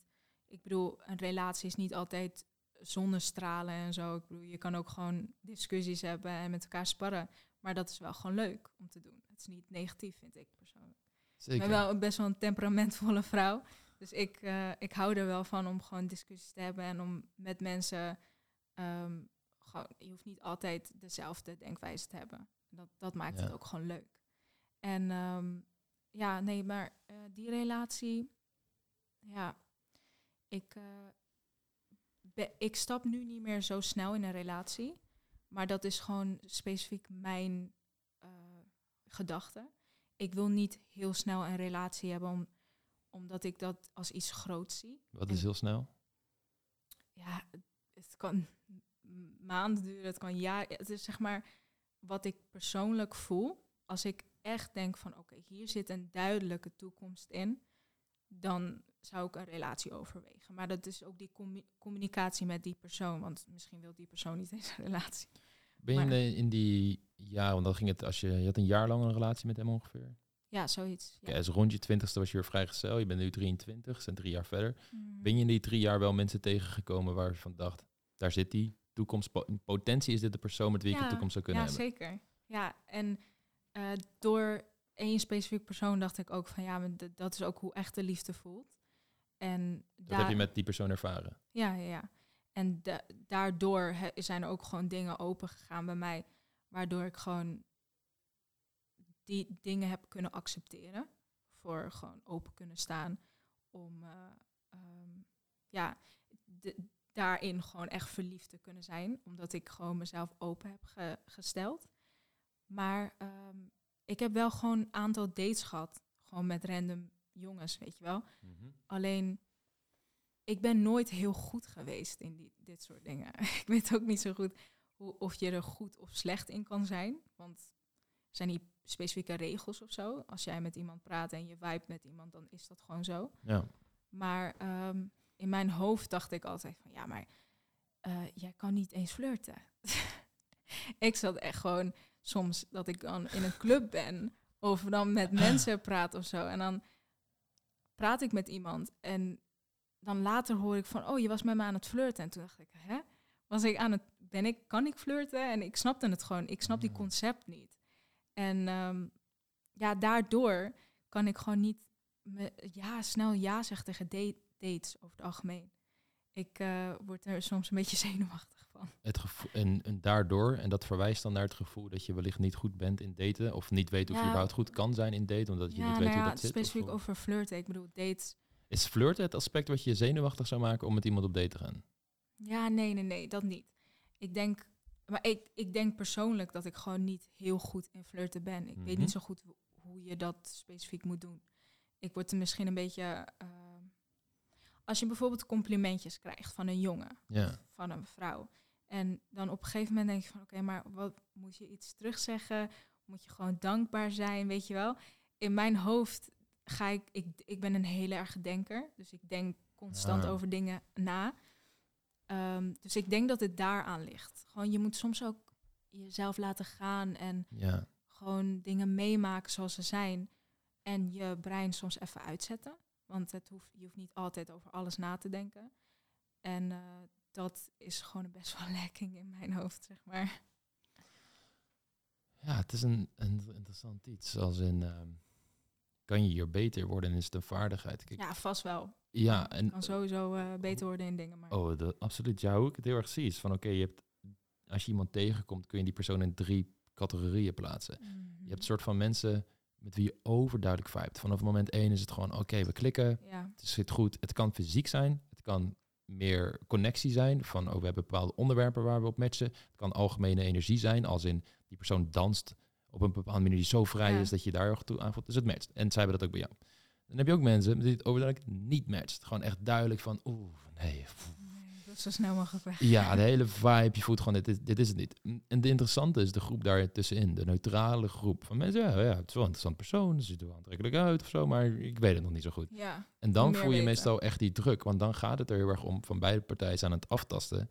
En het is Mm. in dat gesprek wat er gaat gebeuren, wat uiteindelijk die persoon naar heel positief gaat converteren. ja. Of misschien wel maar naar de negatieve kant. En niet eens dat ze een stom persoon vinden, maar gaat geen aantrekkingskracht zijn. Mm. En dat is als het ware de groep mensen waarin hoe jij communiceert een gigantisch grote impact heeft op of dat een positieve uitkomst gaat hebben. gaat, ja. En wanneer je jezelf leert ontwikkelen op het gebied van flirten, uitdagen, verleiden, maar ook sociaal zijn, storytellen, leiden, al die, al die aantrekkelijke eigenschappen die een persoon kan bezitten, is dat de groep positieve groter wordt. Er zullen meer mensen zijn die vanaf moment 1 met jou klikken. En dat is iets heel mafs, eh, wat je ook echt moet ervaren. Dus en, en is dat- dat gewoon, maar is dat dan een mentaliteit? Of? Ja, laten we een eh, eh, heel extreem, veel te oversimplified voorbeeld nemen. Stel, jij zit echt niet lekker in je vel en ehm, je wellicht stiekem dat er een sluimerende depressie op de achtergrond is. Dan kan jij hier, hier binnenlopen, dit bijvoorbeeld mijn kantoor inlopen en eh, iemand maakt een grapje met je, maar je kan er gewoon niet zo goed mee omgaan. Je zit heel erg in je hoofd en noem maar op en je weet niet wat je daarmee moet doen. Mhm. Dus die persoon die dat grapje maakt, denkt, ah oké, nou, oké, het zal wel, deze persoon is niet heel grappig of whatever de judgment is die op dat moment plaatsvindt. Als die persoon aan die depressie zou werken, en dit is nogmaals super oversimplified, aan die staf zou werken, plus meer zichzelf gaat focussen op het maken van grapjes, ad rem zijn, zijn humor meer tot ja. expressie gaat komen. Dan en ga zelf, je viben met die persoon. ja, dus iemand maakt een grapje en je maakt een grapje terug. ja. En opeens denkt die andere persoon, oh, dit is is lachen. een leuk persoon. En er wordt een momentje gecreëerd. Mhm. En het zijn in die momentjes dat iemand warme emoties bij jou ervaart. ja. En op basis van die emoties die die persoon ervaart, gaan ze het beeld dat ze met jou hebben creëren. ja. En dit is hoe sociale vaardigheden werken. En gelukkig dat het ook zo werkt, want dat betekent dat je erin kan groeien. Ja, ja, klopt. Ja, je hebt helemaal gelijk. Want inderdaad, je weet nooit waarom een persoon niet reageert op jou en wat die persoon die dag heeft meegemaakt en zo. Het duidelijkste voorbeeld voor mij hier kwam was eh, texting. Ik, echt, ik zuigde in texting. Ik kon er ja, niks van. ik ook. Het is zo erg. Het, echt helemaal niks. Maar de- er was een coach bij ons, eh, Belgische coach, Louis, Daar van die eh, heel goed is in texting. Mhm. En ik dat weet is nog... eh, de text god. Text toch? God, ja, is een Ja. Engelse website die die heeft. En ehm, dat is, daar houdt zich met niks anders bezig dan dat. Ja. Maar letterlijk. En ik zag toen voor het eerst, ik heb hem voor het eerst ontmoet eh, toen mijn hele carrière als datingcoach ook net begon. Mhm. En ik zag hoe hij gesprekken voerde met vrouwen. En ik dacht, wow, maar dit is, hier zit zoveel plezier in. Zoveel authenticiteit, oprechtheid. En dit is een soort van holy grail van Hoe je in texting kan communiceren. En ik besefte me toen ook van oké, maar in het echte leven laat ik veel van deze eigenschappen zien. Waarom zijpelt dat niet door in de berichtjes die ik verstuur? Ja. Toen ben ik gewoon zijn... Echt, het is heel grappig als je het aan Louis vraagt. ook. Ik pakte dus af en toe gewoon zijn telefoon, als het mocht natuurlijk van hem. En dan zei ik, mag even in gesprekken kijken? En dan ging ik gewoon in zijn Tinder naar de gesprekken kijken die hij Ja. voerde en noem hem op. En dat heeft me zoveel geleerd toen de tijd. Ook. Ja, en dat ging ik de hele tijd zelf proberen. Even, eh, een vraagje. Wat Ja. vind je eigenlijk fijner om eh, zeg maar een connectie op te bouwen met iemand die je bijvoorbeeld net leert kennen? Is dat wel through text of heb je meer het gevoel dat je dat liever face-to-face doet? Dit is een hele genuanceerde vraag. Als in, ik, in het algemeen raad ik aan, ga zo snel mogelijk met een persoon het echte Ja. leven ervaren. Omdat heel veel mensen niet die principes op texting kennen waarin je aan de hand... Hoe het bij mij werkt, ik durf wel te zeggen dat ik 90% zeker weet of ik in het echte leven een goede connectie ga hebben met die persoon. Puur door berichtjes. Ja, Maar dat komt omdat ik zoveel berichtjes heb verstuurd met zoveel verschillende mensen, dat je dus die patroonherkenning weer gaat hebben. ja. Maar wanneer je dat niet hebt, dan kan het best wel raar aanvoelen, dat hele online dating. Waardoor je heb veel je in iemand kan gaan je- investeren online en in het, in het echte leven gaat het tegenvallen. Mhm. Dus dan heb ik zoiets van, oké, als je doe, ga dan vooral in het echte leven aan. Ja, en nog steeds, mogelijk. ja, en nog steeds vind ik dat daar natuurlijk ook wel bepaalde aspecten van de, vooral als je het echt over liefde hebt, Ja. die kun je alleen gewoon in het echte leven ervaren. ja, klopt wel. Maar ik vind het wel spannend of zo, via tekst. Als je dan bijvoorbeeld een soort van spanning opbouwt en dan na een tijdje elkaar gaat zien. Ja. Het is allemaal wel leuker of zo. Ik weet niet. Maar als je er goed in. Dus anticipatie die opgebouwd wordt door middel van berichtjes, Ja, precies. waardoor je naar een soort hoogtepunt toe werkt van, oké, nu is ook de nu ga je ontmoeting elkaar daar. zien. Ja. En dan, ja, dat is ook wel een leuk idee of zo. Maar ik, ik ben, Ja. nogmaals, ik ben niet heel echt geweldig in teksten, zeg maar. Bij mij duurt dat waarschijnlijk vier eh, werkdagen voordat ik eh, je bericht lees. En dan duurt het nog twee werkdagen totdat ik reageer. Wauw. Maar ja, het is echt extreem. Het is echt. En Waarom mijn? DM's, ik, eh, ik weet het. Ik was vroeger... Lees je de berichten wel? En Maar dan denk van, ik reageer later? Ja, soms is het in mijn hoofd dat ik dan lees en dan reageer ik in mijn hoofd. Ja, maar je bent dan iets aan het doen en dan Ja, denk ik, doe ik later. Ja. En dan vergeet ik het bijvoorbeeld. Maar bijvoorbeeld mijn Instagram, al mijn DM's, die staan gewoon... Ja, ik, ik durf gewoon niet in te kijken. En zo, ik kan ook niet meer reageren, want dat is twee weken geleden. Dan voelt het een beetje respectloos om dan nog te gaan reageren. Maar ik heb mijn notificaties uitstaan. Ja, same. Dus ja, dus ik denk van ja. Maar is dat, dat is toch ook een aspect van het dagelijks leven waarin, eh, kijk, het hangt er ook heel erg vanaf hoeveel berichten je binnenkrijgt. Uh, Ja. Ik krijg veel berichten binnen, ook als coach. Ik heb een werktelefoon en, en noem maar op, maar alsnog Ja. gebeurt er veel. En je kan ook niet altijd. Op het alles. is ook oké. Weet je wel, als je een week later reageert. Ik wie, denk inderdaad, ik denk dat we dat gewoon een gewoonte moeten maken. En absoluut. we moeten accepteren van als jij later reageert, it's cool. Ik heb bepaalde ehm, eh, vrienden bijvoorbeeld in Barcelona. Soms zit er een, eh, drie weken tussen dat we elkaars berichten reageren. Maar dan is het gewoon een voice memo. En dan nemen we ook echt, echt even de tijd. Ja, als je vrienden bent, ik bedoel, er moet geen echt een, raar gevoel zijn, toch? Jullie moeten elkaar. Ja, Ik, ik heb soms ook dat ik bijvoorbeeld vrienden ehm, zie na een paar maanden en het voelt alsof ik ze nog gisteren heb gezien. ja. Dus ja, ik denk niet dat het echt meer raar moet zijn. Alleen het ding is, als je aan het daten bent, of natuurlijk je relatie, hey, er zijn wel bepaalde me- mensen die ja, dan vind denk ik, gewoon, bel me gewoon. Gaan we lekker praten via de telefoon. Toch? ja, ja, ja, als, ja, hangt er ook weer heel erg vanaf, toch? Maar, maar vooral met daten, kijk, je hebt gewoon, stel, je zit eh, tussen de eerste en de tweede date. Het contact zou Ja. hoogstwaarschijnlijk, je kan bellen, als het gewoon echt goed aan was, die eerste date, en het was leuk. Ja. Het hoeft niet per se gek te zijn of een moet te grote een investering. klein beetje aandacht geven, sowieso. Zodat je laat merken van, ja, ik ben nog geïnteresseerd en Ja, wil een volgende date. Je hebt wel gelijk, ja. voor veel mensen is het belangrijk dat het momentum van die eerste date vastgehouden wordt. Dat ze Mhm. nog steeds het gevoel hebben van het zit goed. Want we zijn allemaal op zoek naar bevestiging dat die andere persoon ons leuk vindt. En als we een paar berichtjes binnenkrijgen waarin ze in ieder geval hun best doen en plezier creëren, ja. hebben we die bevestiging. En dan Ja. weten ze van oké, chill, het zit goed. Het zit goed. Ja, ja, ja. Ja, dat moet je wel zeggen inderdaad. Want je kan niet iemand zijn brein lezen. Dus Nee, en je moet ook, dat is een beetje theory of mind, dus dat je wel probeert de andermans brein te lezen van hoe is het voor die persoon om te daten? Nou, waarschijnlijk zijn ze net als mij en hebben ze in ieder geval een, een berichtje nodig om te beseffen dat ik nog interesse heb en dat, Ja. ik, dat het goed zit. En er zijn dat soort hele simpele dingen maken je datingleven een stuk relaxter. Problemen beginnen dan- alleen bij wat als die man, stel je verwacht dat hij naar de eerste date wat stuurt en hij stuurt niks. Of, ja, je moet geen verwachting hebben, toch? Of nou ja, je hebt altijd wel een ja, je hebt Eh. altijd wel verwacht. Nou ja, ik weet niet zo goed wat de regels nu zijn. Ik bedoel, iedereen, sommige mensen zeggen, mijn moeder zegt altijd tegen mij, nooit verwachting hebben. En ik, mijn reactie is altijd, ja, maar dat is toch niet logisch? Je hebt toch als persoon altijd wel bepaalde verwachtingen? Ja, het is eh, misschien een verschil tussen verwachtingen en hoop. Maar niet hoop Ja. van, oh, ik hoop maar dat het gebeurt, maar meer hoop van, het zou wat leuk zijn. Het zou leuk zijn als, Ja. maar het hoeft niet. Oh ja, precies. Ik Het denk dat dat een soort een, van verwachting, maar als het niet gebeurt, dan weet je, it's not the end, end of the world. ja, de verwachtingen zouden, vind ik, vooral op jezelf gericht moeten zijn van, wat zou ik als persoon, hoe wil ik zijn in deze situatie? Hoe ziet mijn ideaalbeeld daarin uit?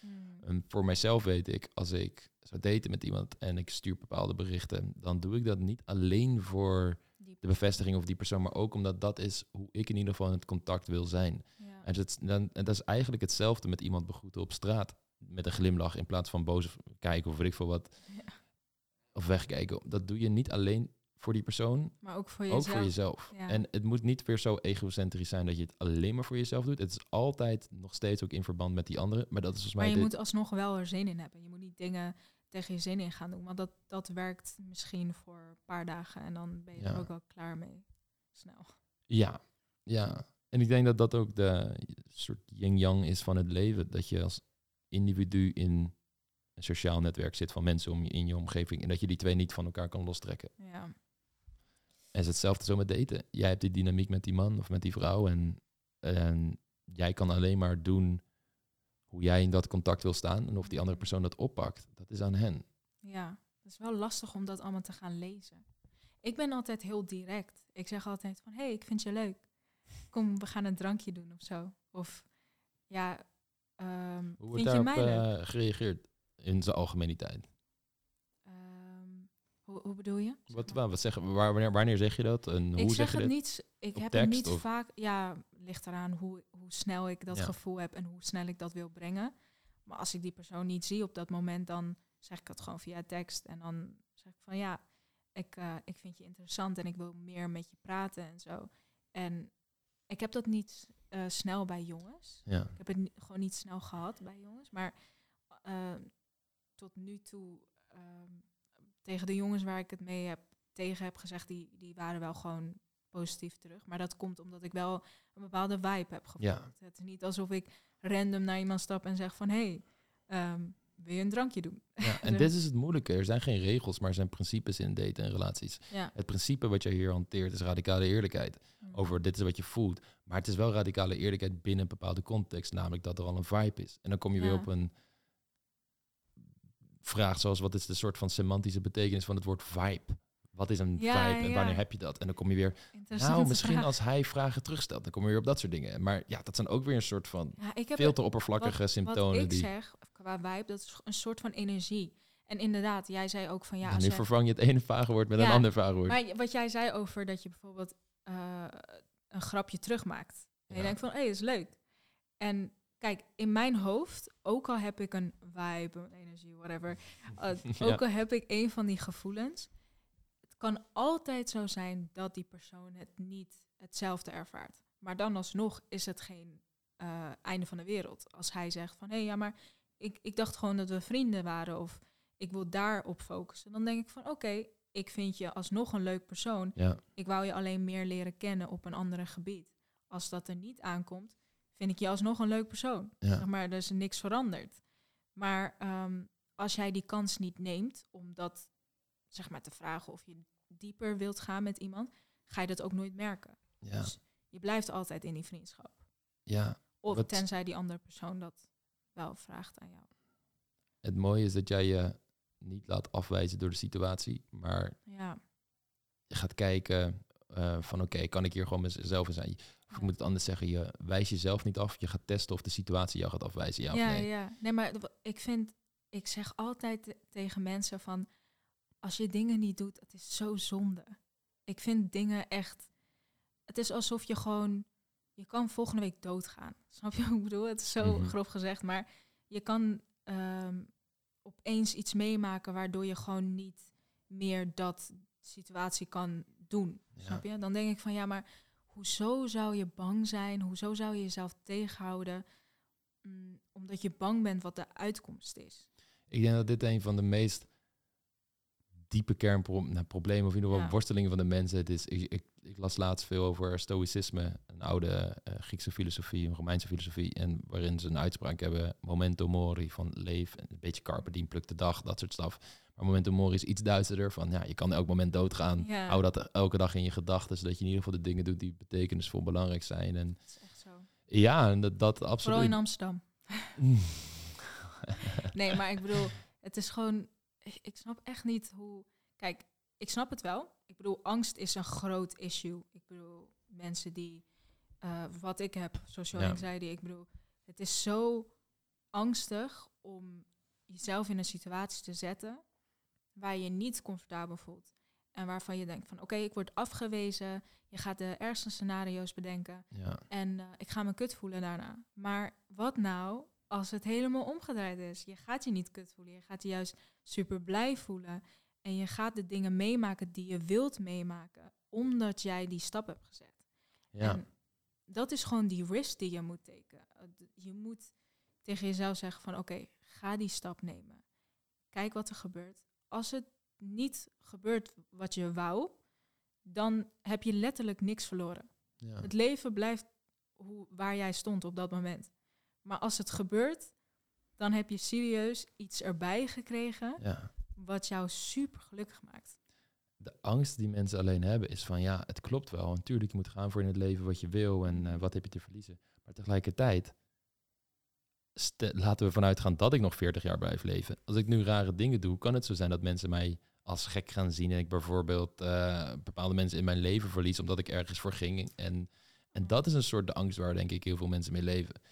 Het enige antwoord volgens mij wat je daarop kan hebben is, oké, breng in kaart wat volgens jou het hoogste goed is om jou als persoon in dit leven te laten zijn. Dus hoe wil jij zijn in sociale relaties ten opzichte van jezelf ook, als qua gezondheid en noem op. Wat denk jij dat de, wat een goed mens maakt en een goed leven?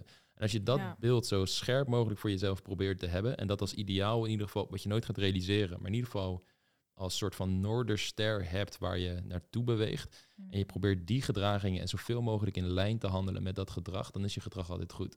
En dan zal je ook hoogstwaarschijnlijk nooit echt mensen gaan afstoten, omdat je de best interest of iedereen hebt. Van de andere mensen, van jezelf, het moment dat jullie samen hebben. Ja, dan moeten die mensen je ook nog begrijpen.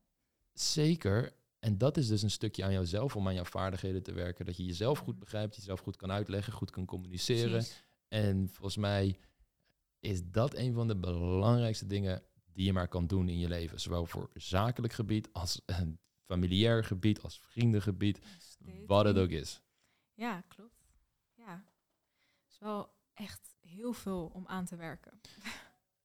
En Maar je, maar je doet het automatisch al door kleine risicootjes. Het is niet dat het een soort per se, weet je, Maar het is dus ook gewoon zo dat heel veel mensen gewoon zo bang zijn dat ze gewoon niks doen. Hè? Hoe doe jij dat dan? Wat zeg maar, want we hebben het hier bijvoorbeeld over. En zijn er, je, je zei al van oké, ik doe bepaalde experimentjes, dat ik dus Ja. mensen ga aankijken op straat en zo. Zijn er kennis die je probeert op te doen, cursussen die je volgt, bronnen die je doet? Je hebt natuurlijk ook therapie gevormd, wat ook een gevolgd, wat Ja. een vorm van. Ja, laatste tijden Zelfontwikkeling kijk ik heel veel TED-talks. Ik weet niet of je dat Ja, kent. zeker. Ja, en ehm, ik hou gewoon, ik hou van boeken, maar op een of andere manier, elke keer als ik een boek lees, dan gaat mijn hoofd weer aan. En dan Mhm. gaat mijn hoofd elke keer weer heel veel nadenken. Dus ik denk van, oké, weet je wat jij, je kan gewoon letterlijk video's kijken en dat met beeld en geluid en zo, en dat, dat pakt je beter. Dus dat doe ik nu. Dus heel veel ehm, kennis opbouwen. Als ik bijvoorbeeld een, een onderwerp waarvan ik denk van, oké, ik wil meer hierover weten, eh, dan zoek ik het op YouTube. Ik bedoel, er is alles, alles staat op YouTube. Dus ehm, wat ik laatst interessant vond over vitamines. Wat heb je allemaal nodig? Ja. Eh, wa- wat voor effect heeft eh, vitamine B, vitamine K, weet Ja. je wel? Ehm, als je dat opzoekt, heb je allemaal video's die dat uitleggen aan je. En dan, dan doe ik dat e- letterlijk bij elke onderwerp waarvan ik eh, meer van wil, we- wil weten. Hm. En ehm, specifiek over angsten, ja, ehm, daar luister ik naar mezelf. Ik, ik denk van, oké, wanneer heb jij moeite met iets? Als je daar bang voor bent, doe het tegenovergestelde wat je normaal gesproken zou doen. Dat gaat je misschien helpen, misschien niet, maar je bent wel aan het onderzoeken over wat wel en niet werkt, misschien voor jezelf. Ehm, maar je kan dit ook natuurlijk gewoon opzoeken en boeken lezen erover. Er zijn zoveel boeken over mentale stoornissen, over hoe je angsten moet overwinnen, over ehm, hoe je het beste met jezelf kan omgaan en zo. Eh, mensen die zitten vaak gewoon met hunzelf en die weten niet waar ze naartoe moeten. Terwijl letterlijk overal om je heen s- eh, sources zijn waar jij dingen uit kan halen. En ook gewoon mensen om je heen die misschien niks van de situatie afweten, maar als je met ze praat, op een of andere manier ga je die diepgang in en dan ga je ook jouw verhaal vertellen. En wat je ook bij een psycholoog doet bijvoorbeeld, dan ga je ook beseffen van hé, hey, ik heb nooit er zo over nagedacht, maar zodra je het uitspreekt, dan pas zie je het ook in je brein. Dus Hm. ja, bij mij specifiek is het gewoon zo dat ik het uit YouTube-video's haal, Ja. uit boeken soms en uit doen. Gewoon experimenteren en ehm, jezelf op situaties zetten waar je normaal gesproken niet bent en kijken of dat werkt. Ja, ik zou zeggen dat dat het fundament is van alles het doen. En waar je informatie dan ook vandaan komt, dat dat secundair is aan Ja, de acties die je onderneemt. Ja. klopt. Je moet het uiteindelijk allemaal doen. Ja. Ander interessant iets wat je nog zei, wat, was dat je nu op dit moment in je leven niet per se een relatie zou willen aangaan. Nou, eh, niet, niet per se niet zou willen Zou aangaan. je er wel voor open dan? Dus de, ja, sowieso. Alleen eh, ik wil er echt zeker voor zijn Hm. dat ik echt een toekomst met iemand kan bouwen. En dat ik niet zomaar een, een, een label eraan plak. En het hoeft ook niet per se een label. Als jij weet waar je staat met die persoon. En als je dan daar naartoe werkt, Ja. dan is dat prima. En voor de rest, ja, eh, een relatie, een, een friends with benefits of zo. Dat zijn allemaal labels. En voor mijn gevoel moet ik daar niet echt te heftig aan gaan eh, qua regels, weet je wel. Maar nee, ik, ik sta gewoon open voor alles. Dus het is niet dat ik mezelf gewoon weerhou. Ik heb heel veel eh, zelfontwikkeling gedaan en daar ben ik nog steeds mee bezig. Dat Ja. houdt volgens mij nooit op. Maar ehm, ik doe alles gewoon wanneer de tijd rijp is. Dat is een heel interessant, een hele interessante woordkeuze, omdat mijn volgende vraag, die terwijl ik zo naar je zit te luisteren, bij mij opkomt, is: je bent 23 en toen ik 23 was als gast, ik was dat eh, heel erg in dezelfde fase. Ik, dus ik begon net met mannenbrein en attraction gym en coach eh, eh, in het gebied van dating althans en mijn eigen bedrijf opbouwen en al die, al die stuff die gebeurde. Daar kon ik 100% op focussen wat ik zo interessant vind, ik krijg soms vrouwen bij mij van 32, 34, 35 die nog geen kinderen hebben, maar wel een kinderwens hebben. Als Ja. man is dat een gedachte die bij mij, het was er wel van, nou ja, het zou leuk zijn als ik misschien rond mijn 30ste, 31ste vader word, maar we zien wel, want ja, I got time. Ja. Zijn dat dingen die al bij jou door je hoofd gaan? Denk je erover na? Heb je het daar wel eens met vriendinnen over of zo? Is dat een gesprek of, of totaal niet? Ja, ja, ja meer. Ik zou Voel, voel je dat ergens dat dat, dat nou wel een soort druk ligt? Ik vind, eh, eh, ze zeggen altijd van ja, er, zijn, er is een soort van gevoel bij een vrouw daar beneden, eh, wat soms aanzit, toch? Kijk, ik bedoel, eh, wij hebben, we, zijn elke maand ongesteld en zo. Je, je hebt bepaalde hormonen die om door je lichaam heen gaan en je voelt je ook op een bepaalde manier. Ik heb sinds, denk ik, een half jaar echt gevoelens voor, voor kinderen. Dat Hmm. ik gewoon echt een kind wil. Ah. En eh, voor mijn gevoel, als ik nu zwanger raak, dan vind ik het geen probleem. En ik kan het aan. En ehm, ik zou het superleuk vinden. Maar ik denk er niet aan van ik wil nu eh, specifiek een kind. En ehm, het moet nu gebeuren. Of het moet over vijf jaar gebeuren of zo. Eh, vroeger wou ik geen kinderen. Want ik dacht van ja, hoe wil je een kind in deze wereld brengen? Ja. Maar hoe ouder ik word, hoe meer ik de behoefte heb om, om iemand groot te brengen. En om mijn kennis weer aan een, iemand anders te... Gewoon een mini-jij. Maar ik zou ook gewoon eh, willen adopteren bijvoorbeeld. Dus niet alleen maar ehm, uit mezelf specifiek. Als dat gebeurt, heel mooi. Maar als ik eh, kan adopteren, en dan zou ik dat ook gewoon willen. Maar ik denk er wel soms over na, ja. Hmm. Soms wel. En, eh, heb je het daar ook met vriendinnen over van jouw leeftijd? Is dat een gesprek? Nee, nog niet echt. Ja, een vriendin van mij die, die heeft nu wel al een hele lange relatie. En die heeft ook wel een kinderwens, maar zij is nu ook bezig met een studie. Dus ik heb ook wel eens met haar daarover gepraat. Maar ehm, zij is daar bijvoorbeeld veel meer mee bezig nu. Omdat ze eh, ja, wel al vijf jaar met die jongen samen is. En ehm, ja, dat klinkt logischer of zo, toch? Maar Ja. eh, ik zei vroeger ook trouwens altijd, als ik single ben, gewoon de hele tijd dat ik dan gewoon ehm, naar een spermabank ga zo. Dat ik gewoon mijn kind zelf eh, ergens vandaan ha- tover. Ja. ja en ik heb geen man nodig per se met wie ik op dat moment samen Ja, ben om moeder te kunnen worden. Ja, maar nu specifiek denk ik wel, het is wel gewoon mooi en het is Mhm. gewoon fijn om dan met iemand dat mee te maken en zo.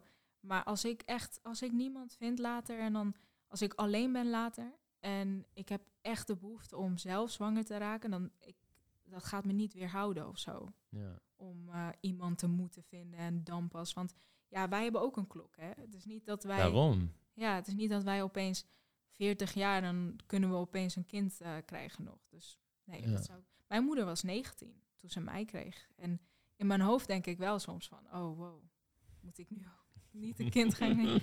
Maar ik eh, heb mezelf Mijn daar moeder wel... was 34 geloof ik, 33. Oh, dus- dat is wel een mooie leeftijd. ja, ja. Ja, nee, ja, ik eh, vind mezelf, ik wil niet een tijd voor mezelf geven, niet meer in ieder geval. In mijn hoofd dacht ik daar heel erg bij na.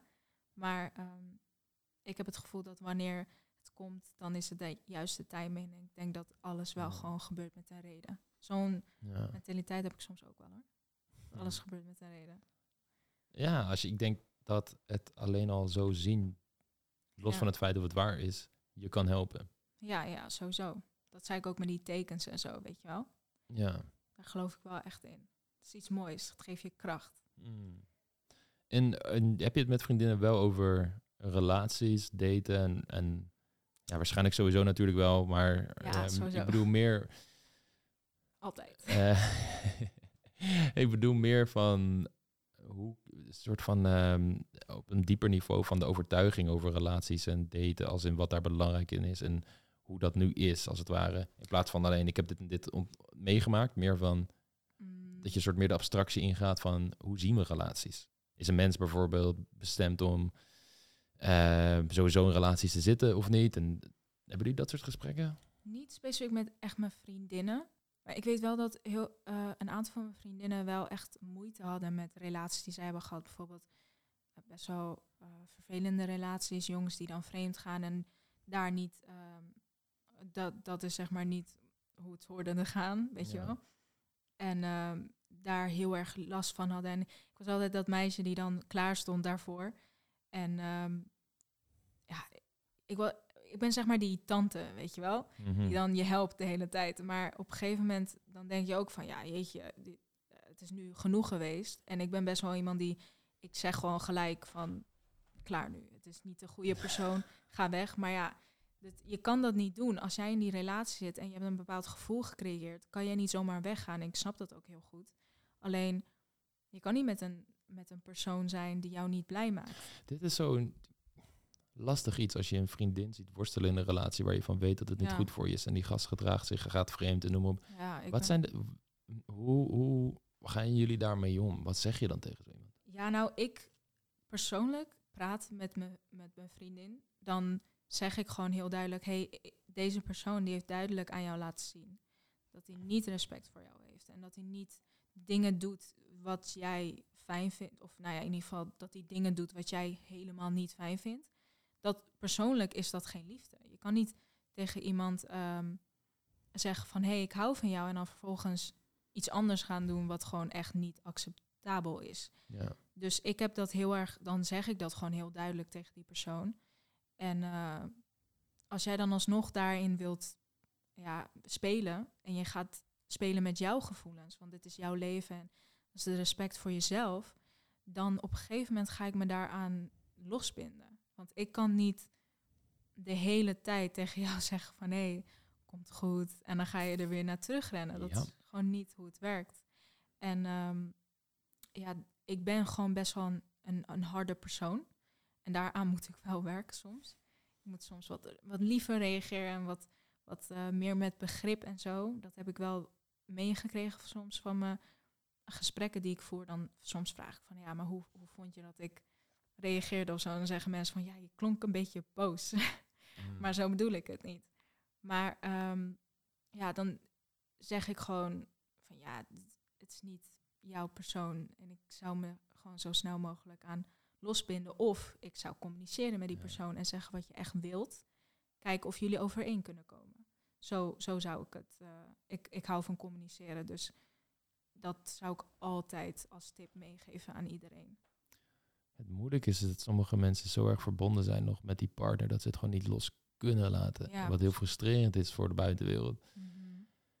En meestal zit daar dus allerlei onzekerheden en dingen bij die mensen zelf onder, waardoor ze in zo'n destructieve relatie blijven zitten. Maar het is een van de meest moeilijke dingen. En ik hoop, wat mijn wens is, is dat uiteindelijk datingadvies, relatieadvies, zelfontwikkeling, gewoon be- belangrijke principes die goed zijn voor je mentale gezondheid, goed zijn voor je emotieregulatie, goed zijn voor de relaties die je aangaat, dat dat veel meer wijd verspreid wordt. En dat er in de toekomst, eh, dat je het ook van instanties krijgt zoals school of Ja, oh, dat is zo belangrijk. ja, Ik ja, snap ja. nee, ik, ik had hier trouwens laatst nog over, over wa- waarom er niet psychologie wordt gegeven aan een jong kind. Waarom Ja. niet zulke eh, dingen op de middelbare school worden gegeven. Van dit zijn zulke belangrijke dingen die jongeren mee te maken hebben. Eh, oh, ik had mijn moeder, met mijn moeder hier laatst over. Ze zei, ehm, mijn moeder die, die werkt eh, voor provincie Noord-Holland.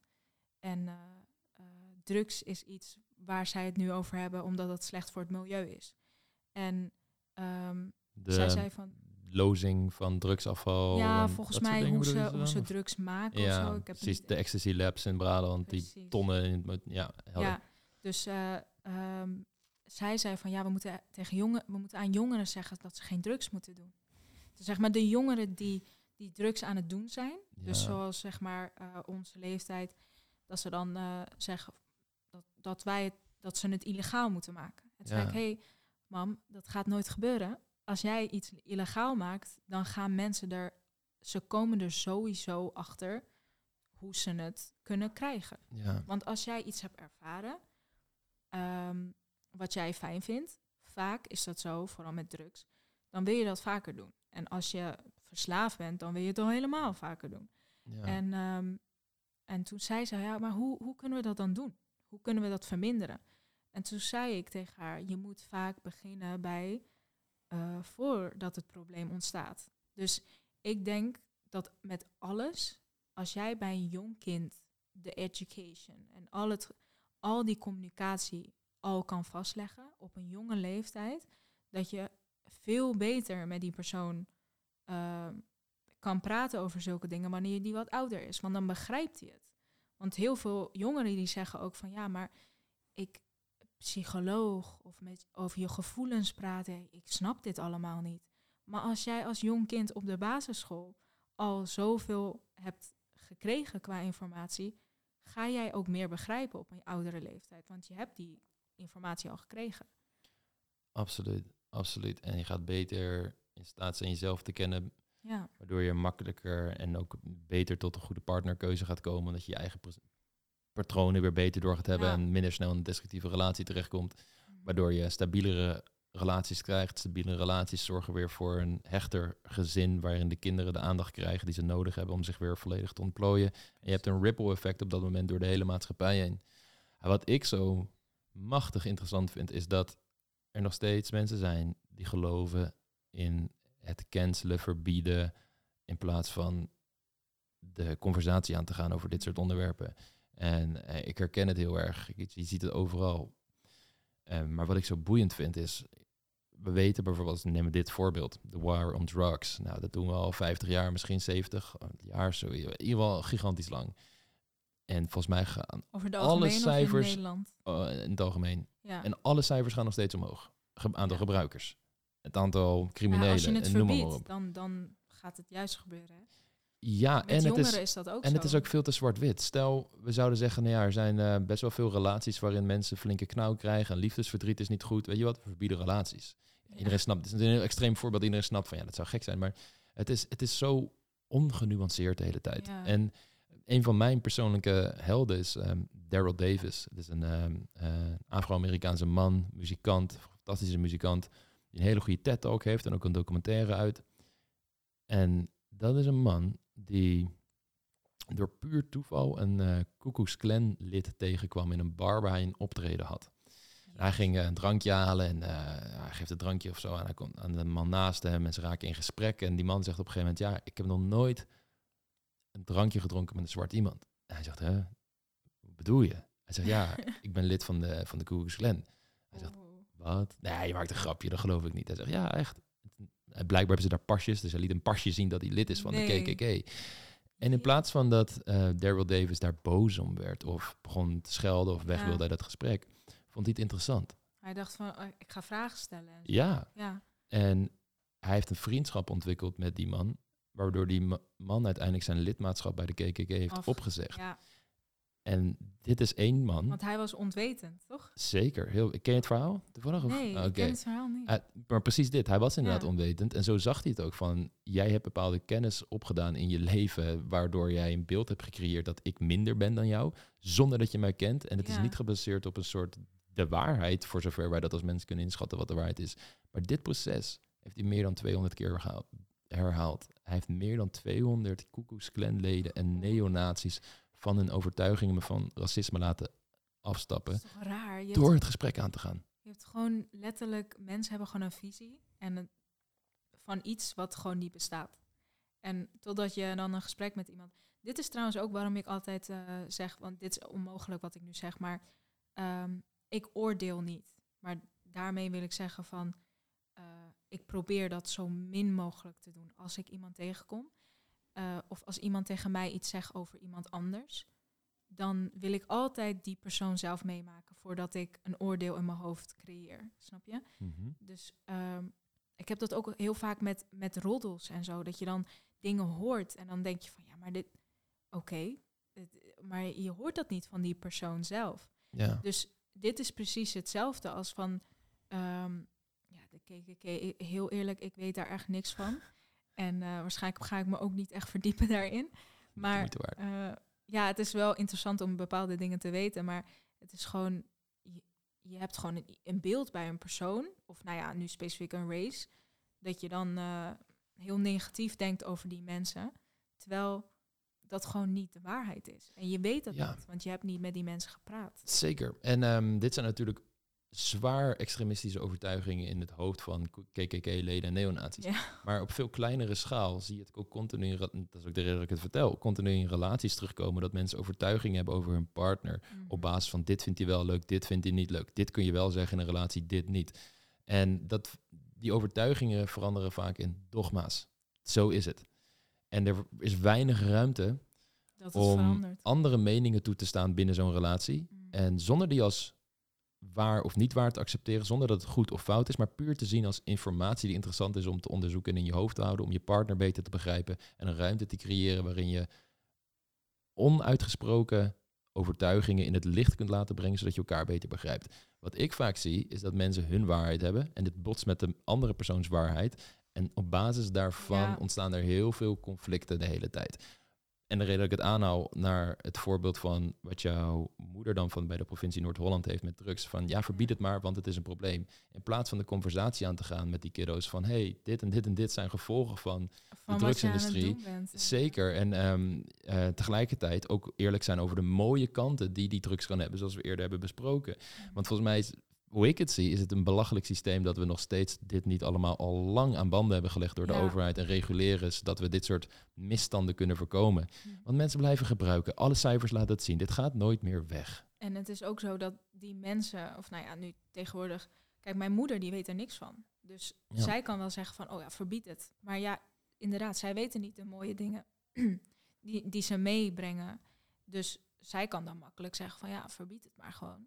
En, Ja. Want ik heb het nooit ervaren en ik snap niet zo goed wat de hype is. Maar Ja, en het is ehm, de overtuiging van de cultuur die sterk gecreëerd is allemaal sinds volgens mij Reagan als president van Amerika, die echt de war on drugs is begonnen toen de tijd en hele campagnes bouwde van drugs are bad. En waar ook in sommige gevallen, want ze zijn ook slecht voor je en er kunnen mensen verslaafd raken, Ja. maar het is zoveel meer genuanceerd. En het boeiende daarvan is, ik heb ook maar, documentaires- alsnog- maar je hebt ook eh, junkies bijvoorbeeld. Ja. Je kan niet tegen hun zeggen, ehm, klaar ermee. Dus ik verbied het nu.